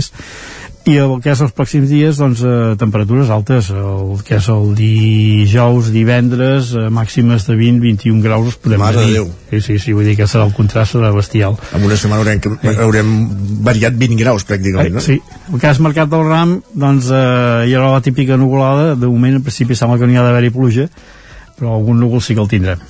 Bueno també sol passar, eh, també, aquestes èpoques i, i, i bueno, el mercat del ram sempre és aquella por, aquell mm. núvol que, aquell cap de núvol que et passa per sobre en el moment menys oportú, però vaja és, és primavera és primavera, és el que toca i de fet és la festa de la, de la primavera a la ciutat de Vic, diuen mm. uh, Manel, gràcies per ser un dimarts més al Territori 17 i posar-nos al dia de totes aquestes dades meteorològiques. No sé si, si ens hem deixat res al tinter o hem tenim tot repassat, ho tenim tot repassat. Jo em sembla que ho tenim tot. Eh, bueno, destacar també el vent també que ens havíem descuidat eh, el dia 16, 17, 18 i 19 que ho fa cap a 75 km per hora Uh, hem tingut una mica de tot. Sí, sí, ha estat un més variat, eh? o sigui, els dos mesos o tres mesos que vam estar de vaga, els que ens agrada el temps, sí, exacte. doncs uh, ara el tenim disfrutem entre cometes perquè hi ha coses que no, que no ens agraden però bueno, és el temps i és el que hi ha. Sí, sí, he, he trencat aquesta tendència com deies de, de calma i hem tingut una mica tot aquest mes de març.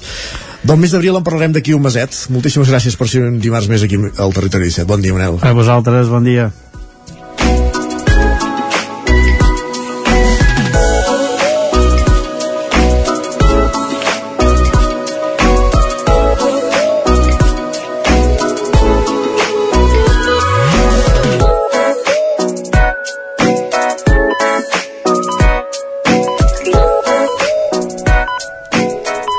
Ara mateix, en punt, les 11 al Territori 17, moment d'actualitzar-nos. Territori 17, amb Isaac Moreno i Jordi Sunyer.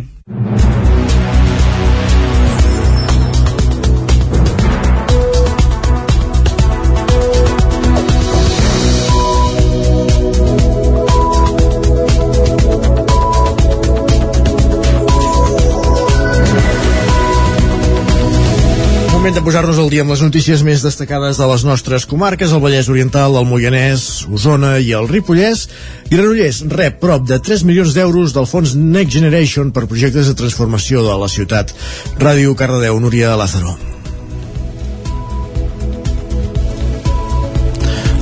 Pendents d'aquesta crònica des de Ràdio Cardedeu, ara sí, Núria. Granollers és municipi pilot per desenvolupar el Pla d'Acció Local d'Agenda Urbana, un projecte vinculat al tercer Pla Estratègic Granollers 2030, d'on sorgiran les missions que defineixen el model de futur de la ciutat. A Catalunya, nou ciutats i la Diputació de Barcelona han estat seleccionades per desenvolupar el pla fruit d'un acord signat amb el Ministeri de Transports, Mobilitat i Agenda Urbana. L'Agenda Urbana és l'eina estratègica de planificació amb visió global al paraigua l'aigua de les polítiques que incideixen en el territori i que han de permetre assolir ciutats més inclusives, segures, sostenibles i adaptades a les noves necessitats. En aquest sentit, Granollers acumula una llarga i reconeguda trajectòria a partir de la participació i la governança que ha permès anar transformant la ciutat alienada amb els ODS. Ara, el Pla d'Acció de l'Agència Urbana i el Pla Estratègic Granollers 2030 continuen aixecant la mirada per analitzar, dibuixar i actuar responent a les necessitats reals de la ciutadania i contribuint a fer un món més sostenible. Aquesta és també la línia marcada pel fons Next Generation, contribuir econòmicament en la recuperació dels territoris de la Unió Europea a través de projectes transformadors. Per al món local, aquest fons representa una oportunitat per desenvolupar accions d'impacte per reconstruir l'economia i actuar directament en plans integrals de la ciutat. Gràcies, Núria. Encara al Vallès Oriental, el cicle formatiu de termalisme i benestar que impulsa Caldes de Montbui participarà en un projecte europeu com a model de formació en el sector termal. Ona Codinenca, que era el campàs. El cicle formatiu de grau superior de termalisme i benestar que s'imparteix des del curs passat a l'Institut Manol Huguer de Caldes s'ha presentat a la Fira Connectat a l'FP que ha tingut lloc aquests dies a Sabadell. En el marc d'aquest esdeveniment es va anunciar la participació de Caldes al projecte internacional Stride for Stride, en què el municipi es prendrà com a model de formació especialitzada en el sector termal i es mostrarà la participació en aquesta fira com a exemple de difusió de la formació professional. L'Institut Manoluguer va ser el primer centre educatiu de Catalunya que va posar en marxa la formació de termalisme i benestar emmarcada en la família professional d'imatge personal. Va ser amb el suport del Departament d'Educació de la la Generalitat, l'Associació Balneària de Catalunya, l'Ajuntament i els balnearis del municipi. Tot i la pandèmia, la proposta va tenir molt bona resposta d'alumnes. Centelles comença a aplicar la recollida selectiva amb contenidors intel·ligents. Aquesta setmana, els 60 punts amb contenidors del poble ja hi han de quedat instal·lats els, els dispositius que funcionen amb targeta, que són els de l'orgànica, multiproducte i rebuig.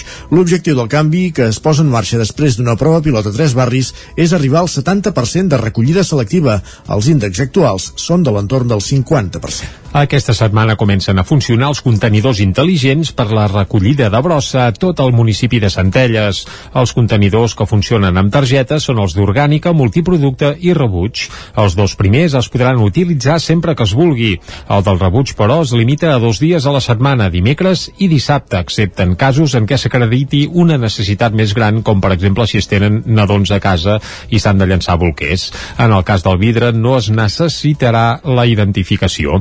Escoltem a Neus Verdaguer, que és regidora de Medi Ambient de l'Ajuntament de Centelles. El multiproducte i l'orgànica pots fer-ho a l'hora que vulguis, pots anar-lo tirant, no has d'aguantar l'orgànica a casa com quan es fèiem el porta a porta, que si anaves a comprar el dissabte fins al dilluns no te la venien a buscar. Ens cobren més o ens penalitzen si tenim massa resta, doncs només es podrà obrir dos dies a la setmana, a no ser que algú tingui, doncs això, com bolquers, eh, sorra d'animals i altres coses que llavors amb ells se'ls hi arreglarà la targeta perquè puguin obrir cada dia. Als tres barris de Centelles on ja s'ha fet la prova pilot de contenidors intel·ligents, la recollida de fracció orgànica s'hi ha multiplicat per 3. Al global del municipi, els registres de recollida selectiva són ara del 50%. Amb el nou sistema, l'objectiu inicial és assolir el 70% a curt termini per arribar al cap d'uns mesos al 80% de recollida selectiva. Ho detalla Josep Paré, que és l'alcalde de Centelles. D'arribar a les xifres de la comarca, el 50% ens posa el límit de Catalunya i d'Europa, però hem d'estar al 70%, i amb aquest sistema el que hem aconseguit i, i garantim és que la gent pugui reciclar però ho pugui fer adaptant-nos a les seves situacions. Les targetes per utilitzar els nous contenidors es poden recollir encara fins al proper dia 13 d'abril al punt d'informació habilitat al Palau dels Comtes.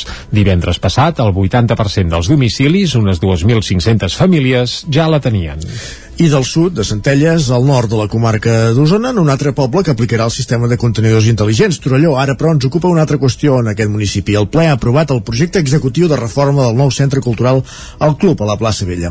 Tindrà un cost total d'uns 3,8 milions d'euros i acollirà la biblioteca a la planta baixa, on ja hi és, l'escola de música i l'escola d'arts plàstiques.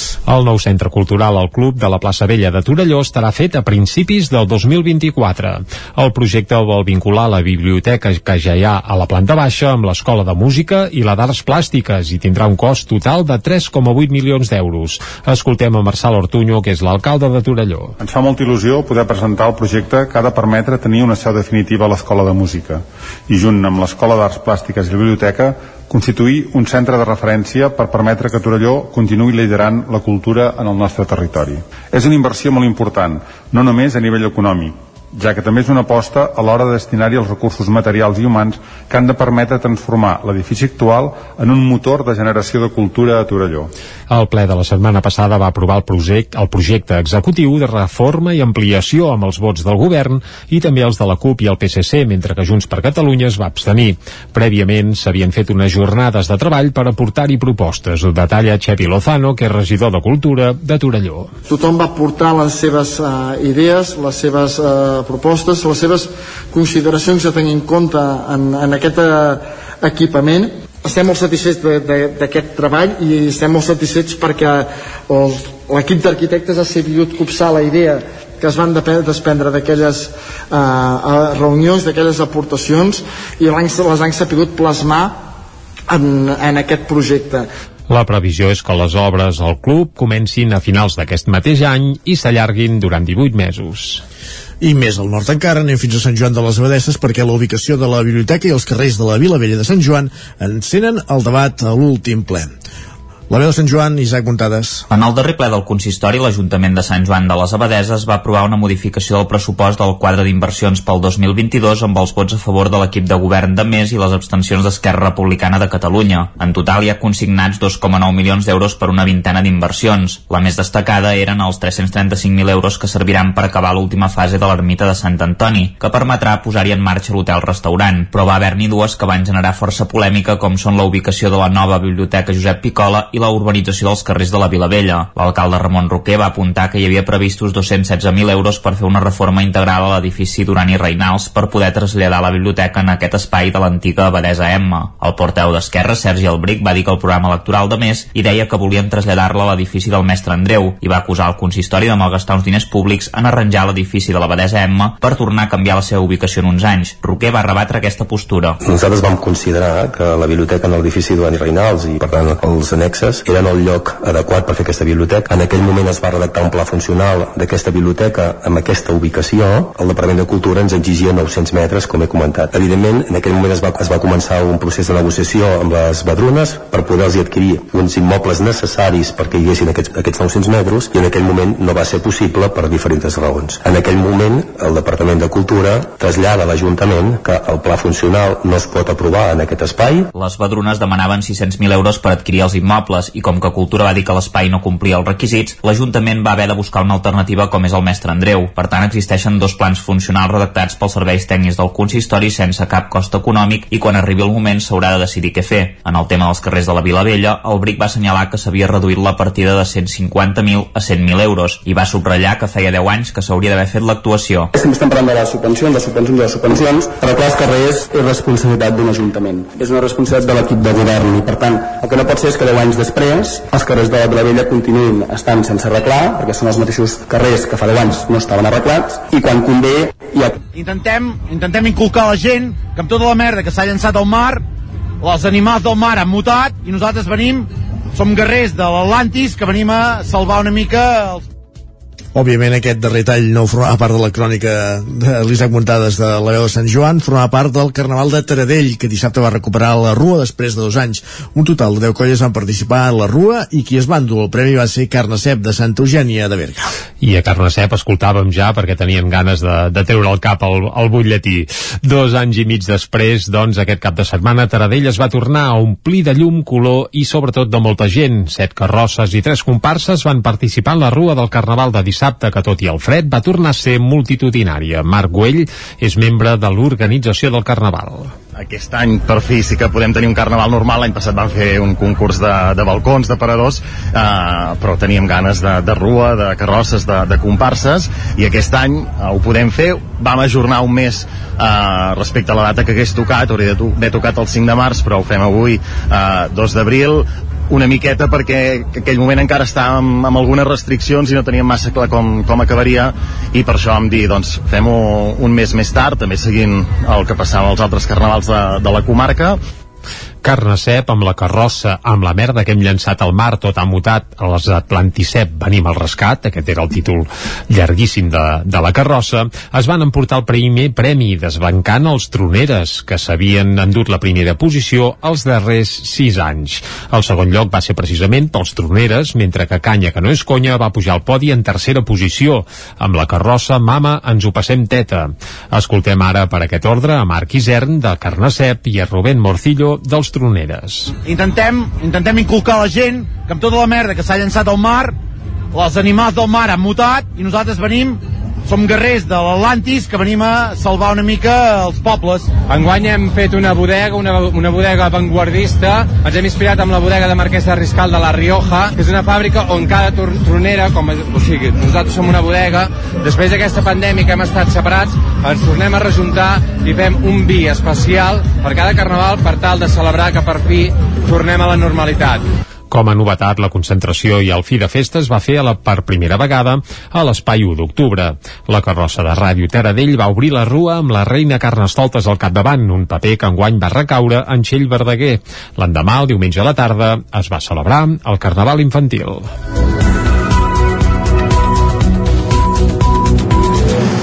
12 minuts i mig que passen de les 11, acabem aquí aquest repàs informatiu que començàvem al punt de les 11 en companyia de Jordi Sunyer, Isaac Muntades, Núria Lázaro i Caral Campàs. Al Territori 17 és moment ara de parlar d'economia. Territori 17. Envia'ns les teves notes de veu per WhatsApp al 646 079 023. 646 079 023. WhatsApp Territori 17.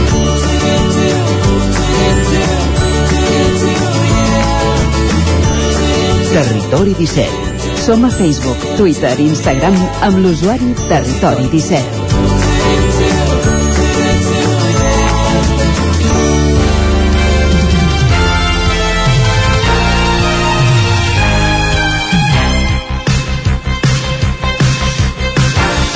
Com cada dimarts ens acompanya a aquesta hora per parlar d'economia el cap d'economia del 9-9 Vallès Oriental, que és en Joan Carles Arredondo, qui ja saludem. Bon dia, Joan Carles. Bon dia.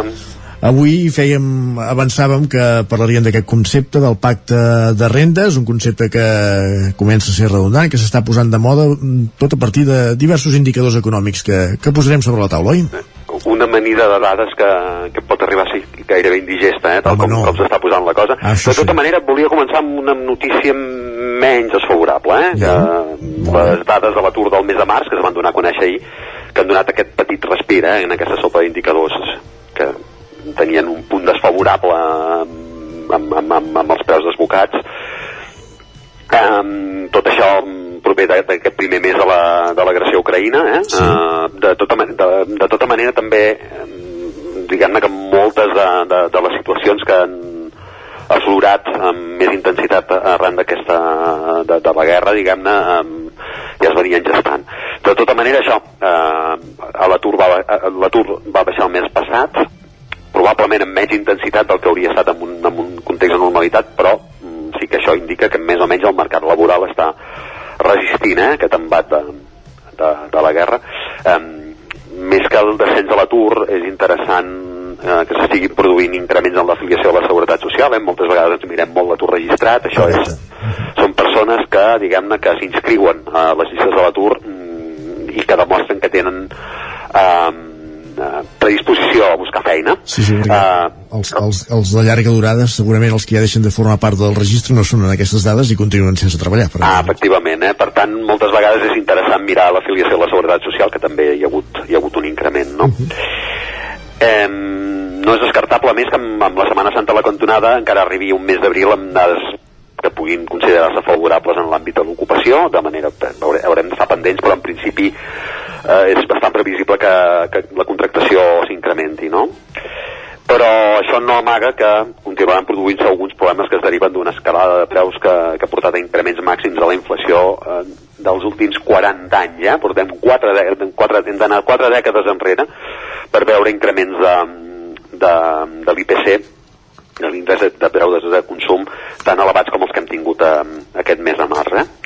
Eh, les dades avançades es dona a conèixer normalment a final de mes, eh, la dada oficial serà, serà meitat de mes, però sí, no, no, no acostumen a variar gaire, i revelen un creixement que frega el doble dígit, una fita que no, fa només uns mesos era impensable, no, no, ningú podia pensar que s'arribaria a un increment de doble dígit. Per tant, això vol dir que sobtadament la població és un 10% més pobra, eh? dit, dit en, en, en, això sigui dit en, en, en forma titular, diguem-ne que amb els mateixos diners omplir el cistell de la compra i pagar subministraments els resulta un 10% més costós. Mm -hmm. Per tant, portat, a, portat a l'extrem vol dir que, que, que, que tots plegats som un 10% més, més pobres. No? Aquesta situació comporta riscos molt greus. El consumidor tendirà a regular més eh, la compra i això reduirà les comandes de productes. Que alhora, són, que alhora són més cars. Ah, clar, és obvi que no es pot renunciar a tot, eh? Sí, sí, no, però, però ja existeixen projeccions, les ha fet uh, BBA Research, eh? que és el, el, el centre d'estudis del, del BBVA, que normalment és bastant referent en aquestes qüestions, i han fet projeccions que indiquen que el consum es veurà reduït entre un 2 i un 4%. El consum és un, és un, un indicador que té força pes eh, en, el, en el que és el, la configuració del PIB i que eh, hi hagi un 2 o un 3, un, entre un 2 i un 4% de descens, diguem-ne que segur que incidirà en, en, en les projeccions aquestes del, del, del PIB, no? eh, I això és, comporta també un impacte elevat que posa en risc eh, que o sigui, suposa un risc que determinats sectors eh, s'hagin d'acabar hagin d'acabar procedint a fer ajustos, eh? i això vol dir ajustos laborals i totes aquestes dades de l'atur que ara més o menys eh, em sembla que estiguin resistint potser eh, amb el pas dels mesos i tot plegat s'allarga pot, pot tenir un problema, no? L'impacte de l'inflació clarament és desigual, eh? però el plantejament genèric és que caldrà que hi hagi un equilibri en la, la repercussió final de, de, de tot plegat. És veritat que els preus estan creixent per tothom, Sí. Mm, a les empreses els resulta més costosa l'energia i les primeres matèries i pels treballadors els productes que compren i els serveis que consumeixen són més cars. Mm, per tant, eh, per als empresaris es pot donar la temptació de ser conservador en el pagament dels salaris i en el trasllat eh, i que mm, també caiguin en la tentació de traslladar aquests increments de costos en, en el preu final dels productes i això continuï donant una escalada de la inflació. Pels treballadors també és tentador reivindicar que els sous s'incrementin en la mateixa mesura que la inflació per no perdre poder adquisitiu. Si ni els uns ni els altres renuncien a aquests punts de partida, la conseqüència més probable és la tensió, eh? i això no cal anar gaire lluny per veure-ho. Eh? Eh, com s'han extremat les, les mobilitzacions en sectors com els transportistes, o les manifestacions que ja s'estan produint en diversos àmbits, sobretot del sector primari, eh? Estem veient mobilitzacions en el sector agricultor, l'agricultura, la, la ramaderia, en els sectors de, de la pesca, eh, diguem-ne que això revela que efectivament tot això està comportant una tensió, no? La setmana passada es va posar de moda aquest concepte, que no és gens descartable que persisteixi en el debat públic, que um, si la inflació no es modera i quan arribi la calor, eh, això pot passar, que arribi la calor, el gas baixi i potser l'impacte que pugui tenir l'energia sobre els costos finals, sobre els, sobre els preus finals dels productes, mm, baixi una mica. Mm, però, de tota manera, com que mm, també hi ha una inflació subjacent, eh?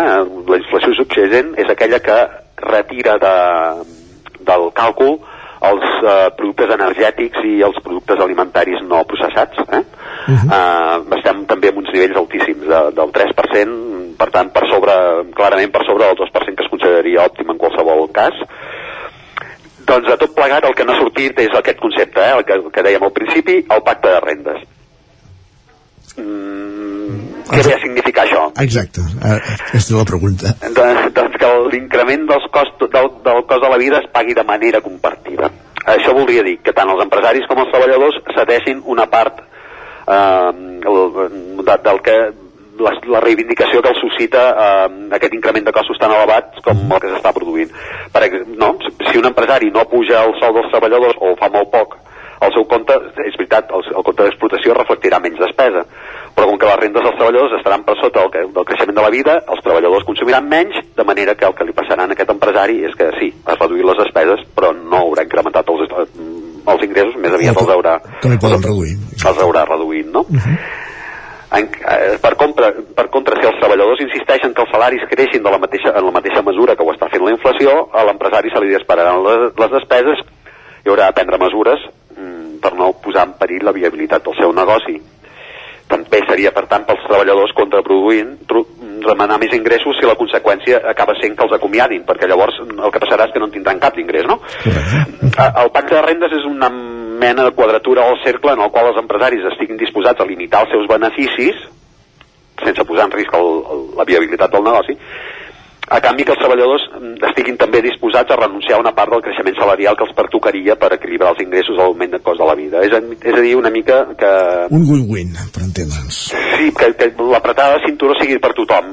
Sí. I eh, diguem-ne que això sona una mica millor que eh, el concepte que es va posar de moda amb la crisi del 2008, que era la, la moderació salarial, era l'única recepta, eh? Sí, recordo. Eh, ningú parlava llavors de pacte de rendes. Eh, es parlava que només havia de cedir una part. De moment aquesta música sona una mica millor.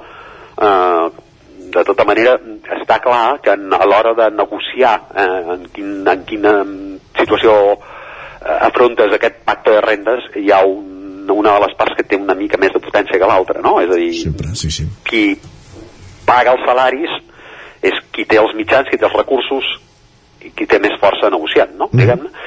I per tant aquí eh, s'està parlant molt de pacte de rendes, ho estan fent eh, aquests economistes del, del BBVA Research, que ha sigut en el, que- en el, en el que hem basat aquest, aquest comentari. Eh, també ho deia eh, Hernández de Cos, el, el governador del Banc d'Espanya, Sí.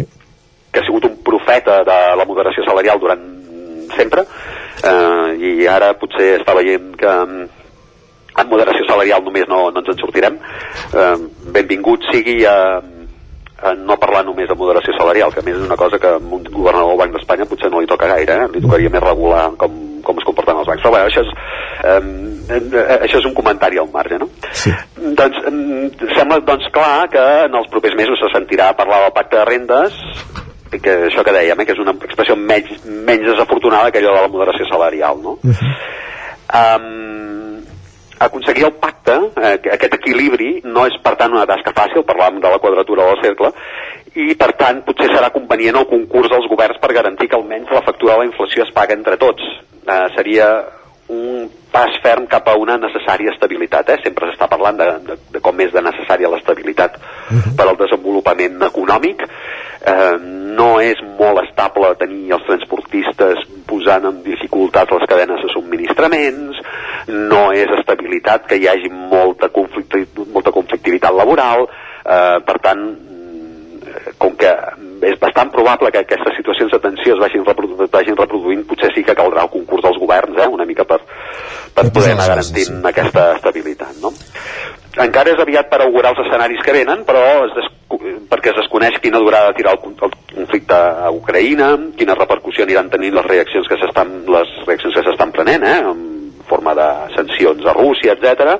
Però si l'evolució persisteix, existeix el risc que la inflació estigui persistentment per sobre del creixement del PIB i això porti a un altre concepte eh, de, que també apareixerà els propers mesos probablement, ens sentirem a parlar d'un concepte que es diu estanflació.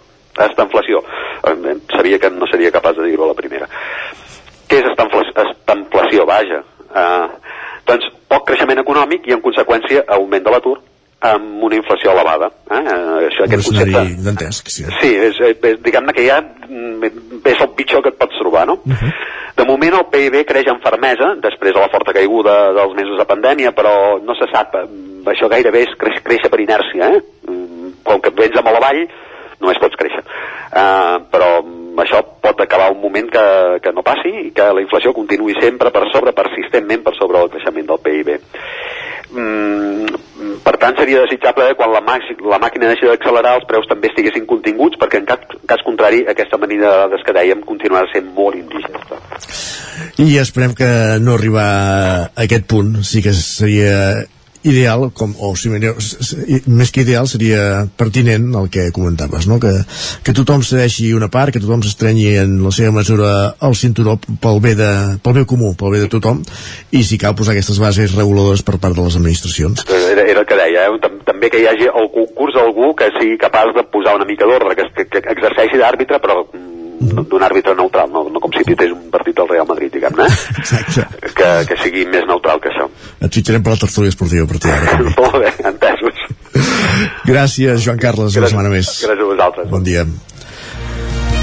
Doncs hem conegut aquest nou concepte que, com dèiem, s'està posant de moda, aquest pacte de rendes, com veia en Joan Carles Arredondo, una, un pacte, un acord que en una situació com la que estem ara, amb increments de preus, amb increments de, de la inflació, i amb, amb increments de salaris que no estan correspostos amb aquest increment doncs segurament convindria diguéssim perquè entre tots no, no prenguem més mal Acaba aquí aquesta secció d'Economia, però continua el Territori 17. Abordarem la darrera mitja hora del programa, la recta final, després d'una petita pausa que fem tot seguit per la publicitat, i passarem per l'R3, coneixent una més de les cròniques que cada dia ens acosta d'usuaris l'Isaac Muntades des de la veu de Sant Joan, i llavors ens endinsarem al racó de pensar per, per conèixer aquest nou videoclip, el Paqui Raps, promogut des de la Paqui de Cardedeu amb la mirada posada en el 8 de març, en el 8M. Tot això, com dèiem, després d'aquí, d'una pausa d'aquí, 3 minuts. Fins ara. El nou FM, la ràdio de casa, al 92.8. A la Clínica Dental Sant Fortià hi trobareu un equip professional que treballa de manera coordinada per oferir un tracte sensible i humà. Estem preparats per qualsevol urgència dental i oferim accions preventives per la tercera edat i els infants. El doctor Ramon Garcia, implantòleg de Barcelona, fa 10 anys que visita Torelló. Clínica Dental Sant Fortià. Ens trobareu a la plaça Sant Fortià número 9 de Torelló al 93 859 6408 i al 690 92 51 99. A El Racó de León ja és primavera. Gaudeix de la nostra terrassa. Vine a tastar les xuletilles de l'Echal a la brasa amb una bona amanida o el xuletón de vedella gallega. No et pots perdre el nostre lechado de Castilla al forn o el cochinillo a l'estil de Segovia. Tot acompanyat del millor celler, al menjador o fora la terrassa. Descobreix la millor cuina de Lleó sense moure't de casa. Vine amb la família, els amics, la parella o sol. T'encantarà. El racó de León, cuina tradicional lleonesa i de mercat. Som al carrer Torelló número 35 de Vic. Per reserves, telèfon 93 889 1950. El racó de León, una cuina diferent. Rètols 2 Arts. Experts en comunicació visual. Rètols, banderoles, vinils, impressió, plaques gravades, senyalització, display... Rètols Dos Art. Ja són 25 anys al vostre servei. Ens trobareu a la carretera de Vic a Olot, número 7, al polígon Malloles de Vic. dosartvic.com Telèfon 93 889 2588. Arriba la primavera i tornen les samarretes. A Gràfic Cert tenim una extensa varietat de samarretes per vestir el teu personal, promocionar la teva empresa, club esportiu, associació... Si estàs organitzant un esdeveniment esportiu o una festa cultural, una samarreta és una bona opció per lluir la teva marca. Ja ho saps, si el que necessites per la teva promoció és una samarreta, Gràfic Cert és el teu proveïdor. I ara també tenim a la teva disposició samarretes 100% reciclades tant de cotó com de polièster. No esperis més i truca'ns al 93 886 12 15 o visita'ns a graficcer.com. Del 8 al 10 d'abril torna al Mercat del Ram de Vic amb més il·lusió que mai.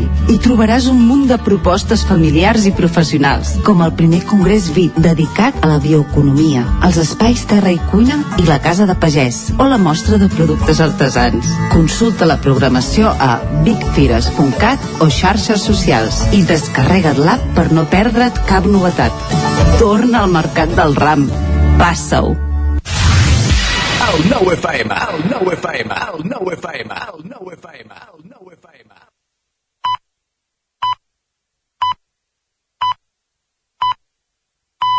Territori 17 A Tren d'Alba. Cada dia els usuaris de la línia R3 de Rodalies que veuen sortir el sol des d'un vagó ens expliquen les gràcies i les penes del primer comboi que uneix Ripoll i Barcelona.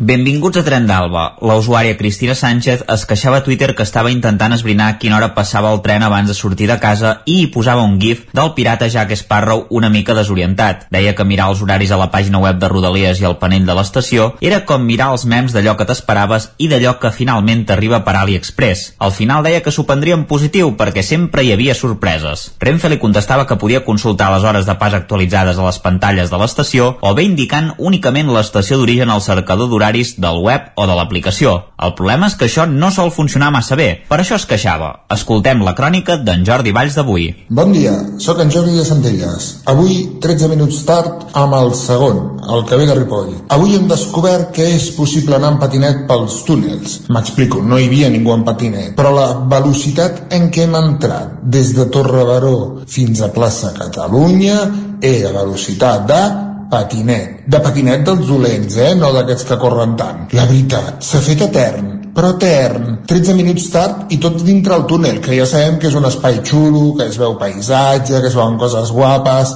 allà tancadets i tancadetes i no hi havia manera d'avançar. No sé què els hi passava avui. Fins allà, molt bé, fins a Torrebaró, molt bé, però després els túnels... Jo crec que podíem anar comptant les ratetes que rondaven per allà. No ho sé, ha estat una mica agobiant, la veritat. Sort de les companyes, que només ens falta el cafetonet perquè riem, riure i ja riem. Res més. Vinga, que una mala Renfe i una mala Rodalies no us espaïn la màgia del tren. Adéu-siau. Deu ser d'aquells patinets de ferro d'abans pels nens, d'aquells que pesaven com un mort i que podies fer girar sobre ells mateixos, amb el risc de fotre't un bon cop, això sí. La velocitat dels trens és desesperant. Sobretot hi ha dies que tarden una eternitat per acabar d'entrar en una estació i solen ser els que tens més pressa per arribar a la destinació. Va, ens retrobem demà amb més històries del tren i de la R3. Territori 17 El 9 FM, la veu de Sant Joan, Ona Codinenca, Ràdio Cardedeu, Territori 17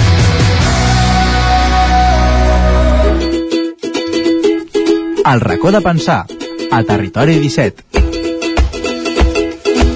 Doncs com bé indica aquest jingle, moment d'anar al racó de pensar avui al Territori 17. Ja sabeu aquest espai que cada setmana ens porta la Maria López des de Ràdio Televisió Cardedeu i per parlar d'aspectes de, relacionats amb les famílies, amb l'educació. I avui fixant-nos en un videoclip promogut des del casal de joves La Paqui de Cardedeu. Tot ens ho explica la Maria, que ja ens espera als estudis de Ràdio Cardedeu. Bon dia. Bon dia i benvinguts una setmana més al racó de pensar aquesta tertúlia setmanal on ens agrada a Territori 17 parlar de qualsevol tipus de tema al voltant de l'educació, la família, els infants, joves, adolescents i aquest llarg, etc que comporta l'educació del dia a dia. I avui, com moltes altres setmanes, volem fer aturada en un projecte impulsat des de Cardedeu, des del casal de joves La Paqui, que va sortir tot just aquesta setmana però anava clarament amb la mirada posada al voltant de la jornada del 8M i estem parlant d'un videoclip en aquest cas, un videoclip de rap promogut per la Paqui Raps, el casal de joves La Paqui de Cardedeu que realment buscava promoure, moure consciències, perdó, i fer d'alguna manera remoure la part aquesta interna de tothom des de l'art del rap, podem dir-ho així. I per parlar de tot aquest projecte, avui he fet ja un trasllat des de l'estudi, perquè si no era impossible encabir tota la gent que m'acompanya avui, i així diré els noms de, de tots els artistes i les artistes que van formar part d'aquest projecte. Tenim el Jesús Muela, José María Espino, Juan Álvarez, Arnau Enrique, Vega Gil, Meri Navarro, Àfrica González i una mica com a coordinadora i, i lianta oficial a la Mònica Morlans del Casal de Joves La Paqui. Bon dia a tots. Bon dia. Mònica, començarem tu com a, part de, com a punt de partida perquè m'ajudis a, a coordinar aquesta moguda, que són bastanta colla. Eh, Pere, passem un micro cap allà i així... Vale, genial. Perfecte. Comencem. Com comença tota aquesta... Andrà, com, com enredes a tota aquesta tropa o com enredeu o com comença la moguda i acaba, que acaba amb un videoclip, todo loco. Comença en plural, comença amb una història, és a dir, no és la primera Paqui Raps en videoclip, la gent ens pot buscar i pot veure que ja hi ha la Paqui Raps 1, però comença amb dos senyoritos que estan aquí davant meu, eh, junt amb el meu amor i company de, de PAC educatiu, l'Amat, i a Lula, que és el que està... Lula és l'altre educador que, que gestiona la Paqui Records, i comença, us en recordeu d'aquell dia, aquella reunió on començàveu a dir habría que hacer un rap del 8M en plan de Sí, sí.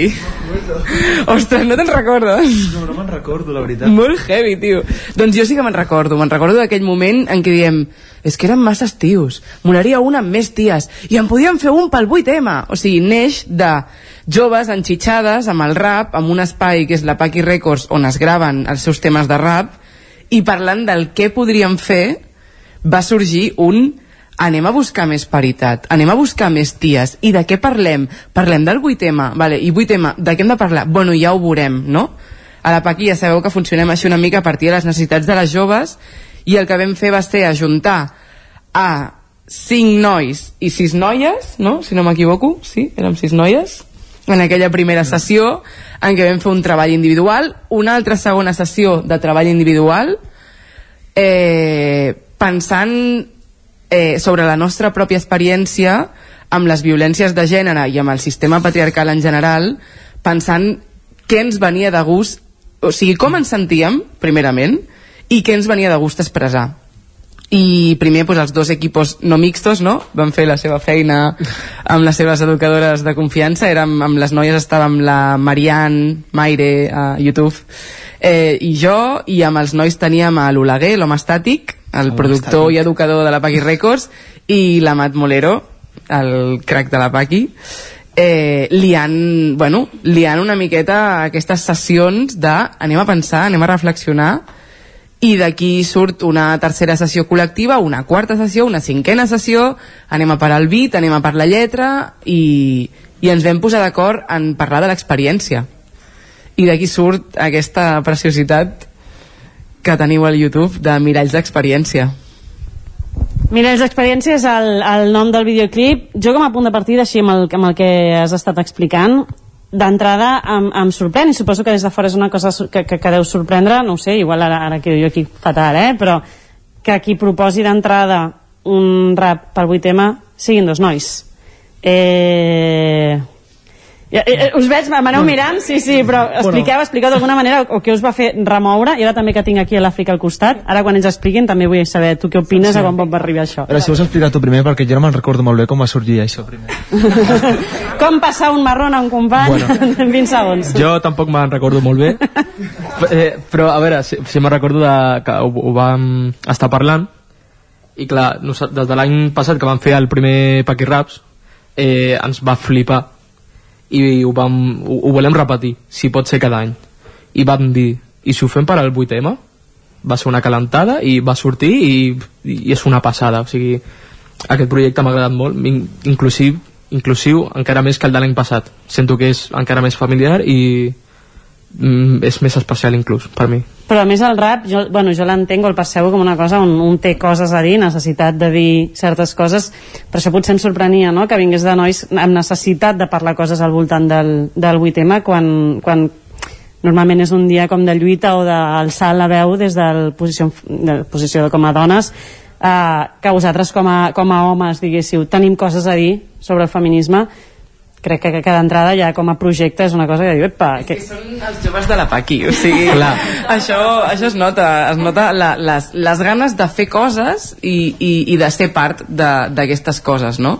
Seguir, seguir fent la tradició, o sigui, hi ha quasi com una tradició de a la Paqui es fa rap, no? A la Paqui es ve la gent a gravar els seus temes de rap i són nois que tenen esperit crític i que penseu d'una manera que tot i que siguem tots educats per al mateix patriarcat masclista justament tenim aquí davant dos xavals que jo aprofito l'ocasió per dir que admiro i que aquesta idea genuïna que dius tu va ser una galentura, no? Sí, Però és una galentura des del bon rotllo que respira la Paqui sí. de dir, com a tio m'atreveixo a dir coses pel 8M no? i potser va ser més després les educadores que vam dir, vale, però hem de posar moltes ties també, no?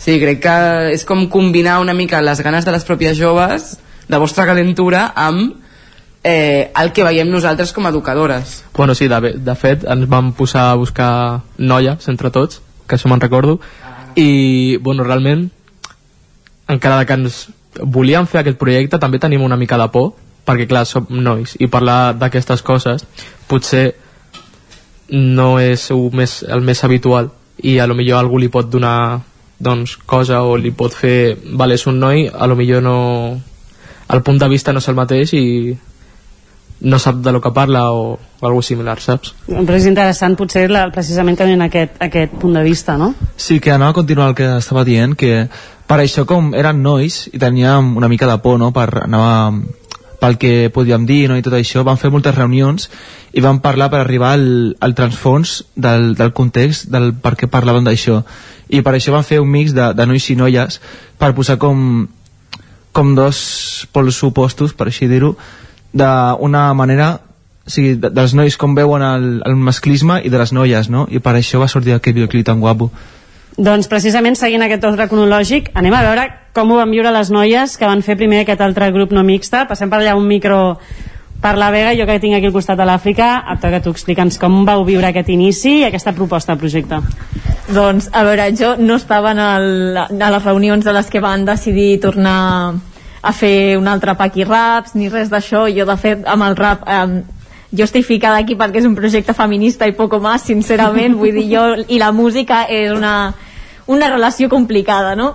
Però, però sí que, no sé, em sembla molt maco que sortís d'ells i, i jo me'n recordo de que a la primera edició que vam fer jo vaig haver de fer una pausa, bueno, vam haver de fer una pausa entre tots al pal, quins són els límits que volem posar i què és el que no toleraríem. I va ser allà quan jo vaig treure el tema de les discriminacions.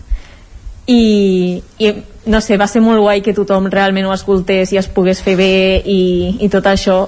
I que es donés una altra empenta a la Paqui Raps i que es fes ja amb el motiu feminista del 8M és molt maco i, i que es pogués parlar des de totes les nostres experiències, que no anàvem difonent el missatge de, el teòric no? que tothom et diu del masclisme és tal, el feminisme és tal. No, estem parlant del que nosaltres hem viscut. Aquí està la gràcia, d'alguna manera, els miralls, realment suposo que, que a l'hora de, de decidir les lletres, no sé si com us ho vau fer, si cadascú feia la seva part, el seu rotllo, i cadascú explicava la seva pròpia experiència, van experiències compartides?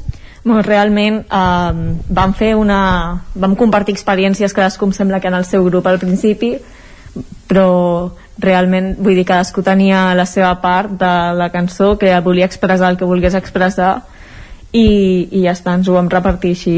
I llavors doncs com que tot era molt encaixava molt perquè ja havíem fet les mateixes sessions i tal doncs no sé, va, va sortir bé unes altres de les veus que vam sentir amb aquestes veus i aquests solos tenim aquí a la Vega i a la Meri ja us podeu juntar, que així compartiu micro no, no, no us faci vergonya, ajunteu-vos ajunteu-vos a veure, vosaltres també us marqueu allà uns solos ben guapos, les dues, que déu nhi quines veus, eh, explicant també, suposo, les vostres pròpies experiències, no?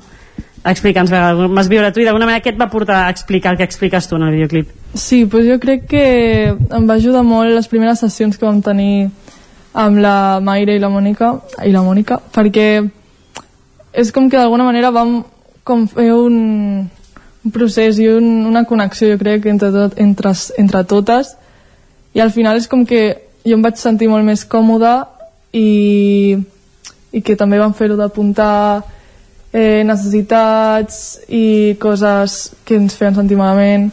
I és com que al final hem trobat un punt en el que pues això, podríem explicar-ho i també com hem parlat abans de les visions penso que és molt important com ficar els dos punts de vista perquè així és com que eh, sento que la gent en plan, tot tipus de gent pot arribar a connectar amb, amb el que estem dient del que estem parlant perquè és de tantes maneres diferents que és com que segur, saps? És que a més realment hi ha tot un... en aquests miralls trobes uh, moltíssims reflexos. Al final, quantes persones han intervingut en, en total en el projecte? Doncs són 11 joves són 11 joves i 4 educadores eh, també molt joves. Les educadores, o sigui, de fet, sortiu també. Uh, ja està marcat aquí un... I, intueixo que parlem d'algú que proper, eh? D'alguna manera també expliqueu la vostra pròpia experiència, o sigui, al final estem parlant de 15 petits miralls diferents de 15 experiències diferents, cadascuna amb la seva, amb la seva petita història i com deia la Vega, doncs facilites no? que tothom pugui trobar tothom pugui empatitzar amb la, amb la cançó no? Mary, no t'escapes del micro ja pots agafar Explica'ns també com ho vas viure, perquè a més també tens un tros super melòdic que crec que dintre de la cançó fa com un trencament de ritme que queda molt maco també. Explica'ns la teva part. Eh, a mi em van dir en plan, em va trucar la Mònica i em va dir eh, ¿por qué no participes? No sé què. I jo, joder, ja estaven tardando, no? En per què ningú em trucava? ja, tio. Però per, per l'altra part vaig pensar, rap, jo, si no tinc ni idea, en plan que que és que no tinc ni idea, vaig molt lenta cantant. I em van dir i em van dir que no, que tranquil·la que, que és una expressió en plan el rap, cantar es, estem dient coses i el vuit tema era per dir el que nosaltres bueno, les experiències, no? I que jo també tenia moltes coses a dir.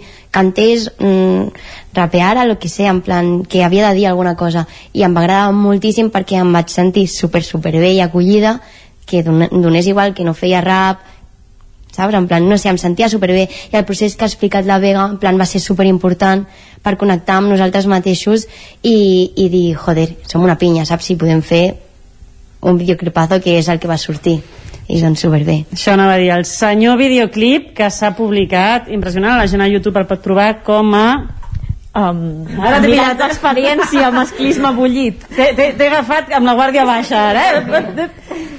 Després, abans d'acabar la tertúlia, posarem la, la cançó perquè tothom la, la pugui escoltar, perquè de veritat que és una passada, però suposo que aquest feedback que nosaltres, o jo almenys personalment vaig tenir, des de Radio Televisió Cardeu vam tenir, el deu haver tingut molta gent que segur que us han dit moltíssimes coses, no? Jo no sé d'alguna manera què, què heu pogut rebre de, de la gent, us han dit alguna cosa, us he vist un videoclip, això que dius, això que expliques... Quin ha sigut una mica aquest feedback? Creo que va ser el único que hablar en castellano, pero no pasa nada. Ja veus, cap problema.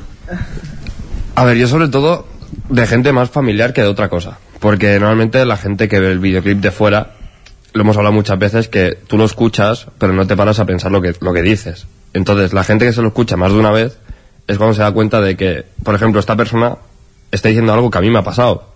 Y, yo sobre todo lo, lo que he recibido de en plan, por ejemplo, mi madre misma, que hay cosas que nos han pasado a los dos juntos, incluso a mi abuela me ha dicho, esto en mi época pasaba. Y por fin alguien, como vosotros, ha dado, a- ha dado a entender que esto no hace falta que sea así, que puede, puede ser diferente. Y sobre todo, ese feedback que te da la gente, hay incluso gente que se te pone a llorar.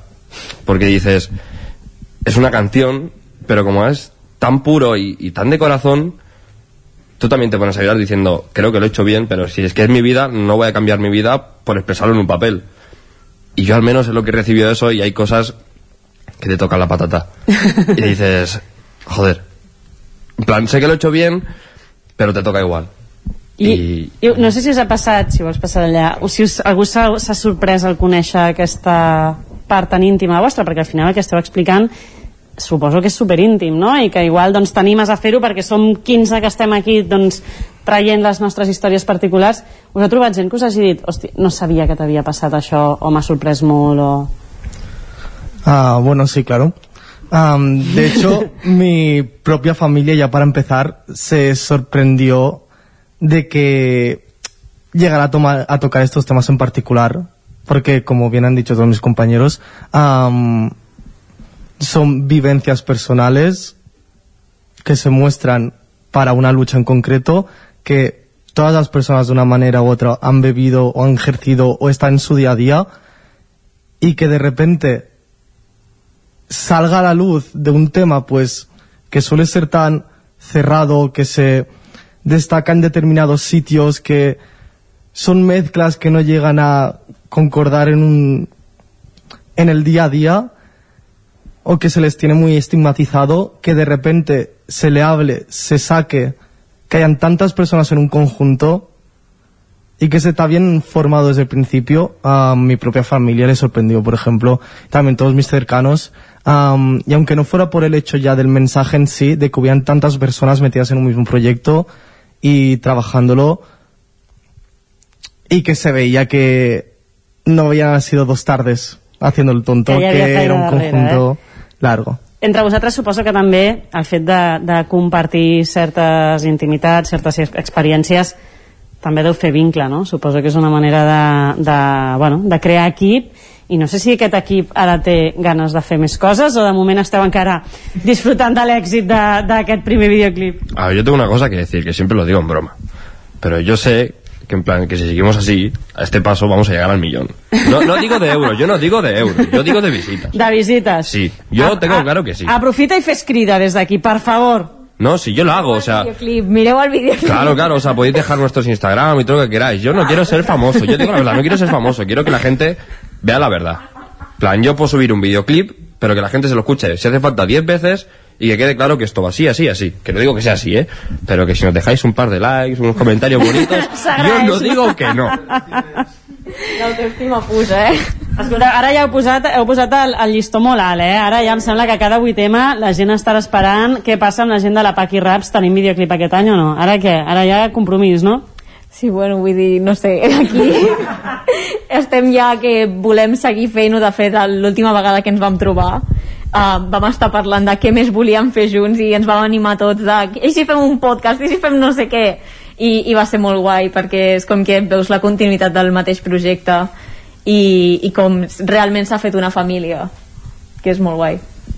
I el que, i el que dèiem de- d'això, de, de la família i de com continua, eh, jo vull aprofitar per dir que com a educadora crec que mai havia tingut l'oportunitat de barrejant una de les meves passions a nivell eh, hobby superutòpic, no? que a mi sempre m'ha agradat el rap i marcar-me freestyles amb els amics, però alhora com a noia m'ha costat molt perquè és un ambient supermasculinitzat m'ha encantat com a educadora i com a persona també sentir-me tan còmoda amb tota aquesta criu amb la que ara m'imagino mm, atrevint-nos totes en, en esdeveniments de la Paqui Raps o a on sigui a cantar entre nosaltres, a parlar entre nosaltres, o sigui, és, és, és un espai més de, de, on es demostra que, que el rap i la cultura hip-hop eh, parla d'això, de- de- d'expressar de, i, i, i fa la gent parlar.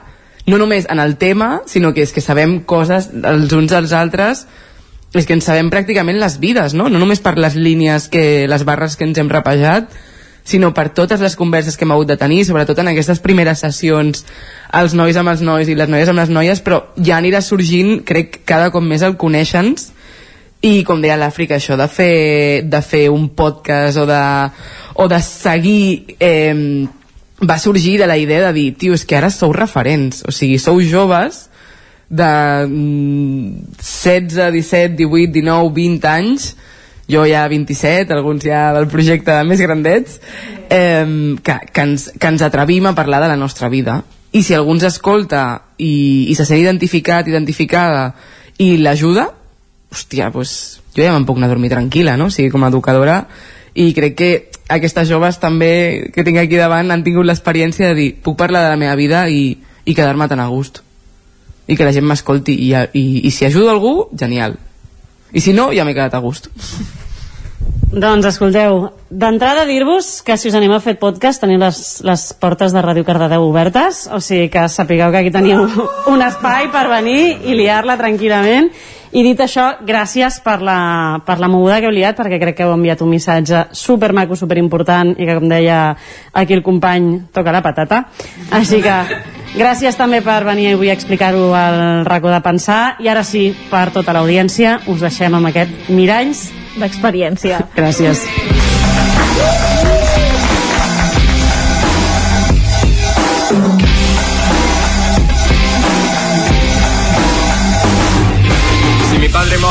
Me abandonó, no llamo a otro de otra sangre. Hay una persona que hace de padre y esa es mi madre. Entonces no vengas a llamarme, no tengo hambre. Fuiste un reloj de cuco porque siempre llegabas tarde. Me aconsejaban no arriesgarme y taparme hasta la boca Pero es que no sé de hacer todo lo que me toca Quiero actuar sin pensar en la derrota Sobrepasar todo aquello que El valiente se aleja cuando no está su manada. Su falso palabreo dura menos que una calada. Solo es otro castillo de arena en medio de mi ola. Todos acobardan cuando la minoria ja no està sola. No. Negant els meus errors, rere un discurs. Posant preus al feminisme i rient-me sense embuts, inconscient, acomplexat, fràgil d'anar al gimnàs, em crec lliure, dins la gàbia del patriarcat. Som nines de plàstic o nines d'estera Estem preparades entre més l'estrena Ja sigues la llengua trenca els esquemes. No ens queden pares, som putes panteres. Fàstic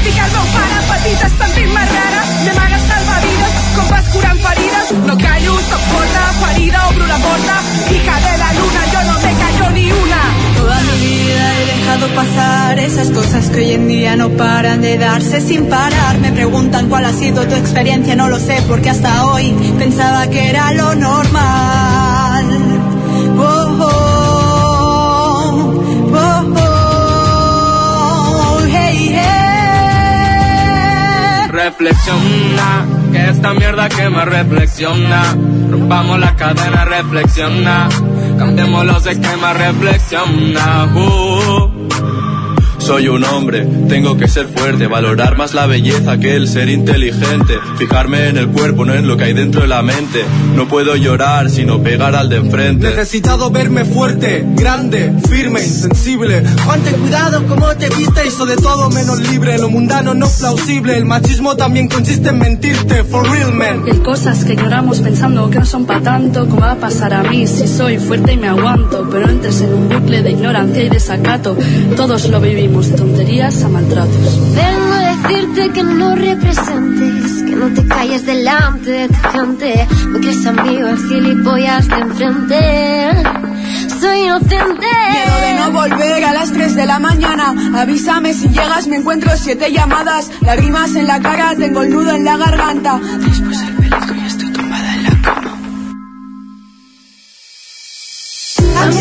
mi em passa, a tots ens afecta, l'altre és el mirall de la meva experiència. A mi em passa, a tots ens afecta, l'altre és el mirall de la meva experiència. A mi em passa, a tots ens afecta, l'altre és el mirall de la meva experiència. A mi em passa, a tots ens afecta, l'altre és el mirall de la meva experiència.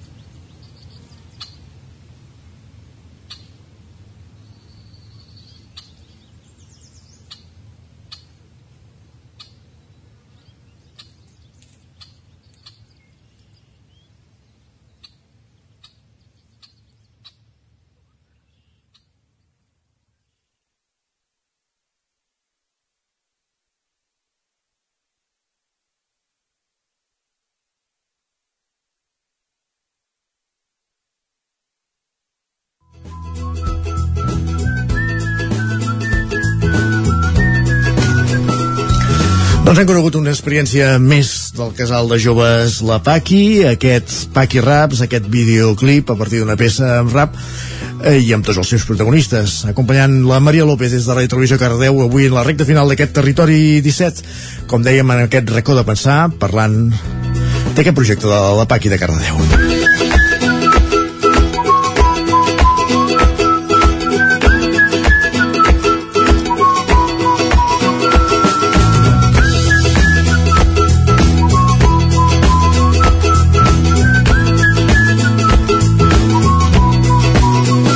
Amb el racó de pensar un dimarts més arribem al final del programa del Territori 17 que us hem acompanyat des de les 9 del matí fent-vos companyia a través de Ràdio Televisió Cardedeu, del 9 FM de Ràdio Vic, la veu de Sant Joan i Ona Codinenca. Nosaltres hi tornarem demà amb més continguts a partir de les 9 del matí com cada dia i avui us hem acompanyat Pepa Costa, Guillem Sánchez, Jordi Vilarrodà, Manel Dot, Núria Lázaro, Caral Campàs, Joan Carles Arredondo, Isaac Muntades, Òscar Muñoz, Maria López, Jordi Sunyer i Isaac Moreno. Com dèiem, hi tornem demà a partir de la mateixa hora, a les 9, a la vostra sintonia. Fins aleshores, que passeu molt bon dimarts. Adéu-siau.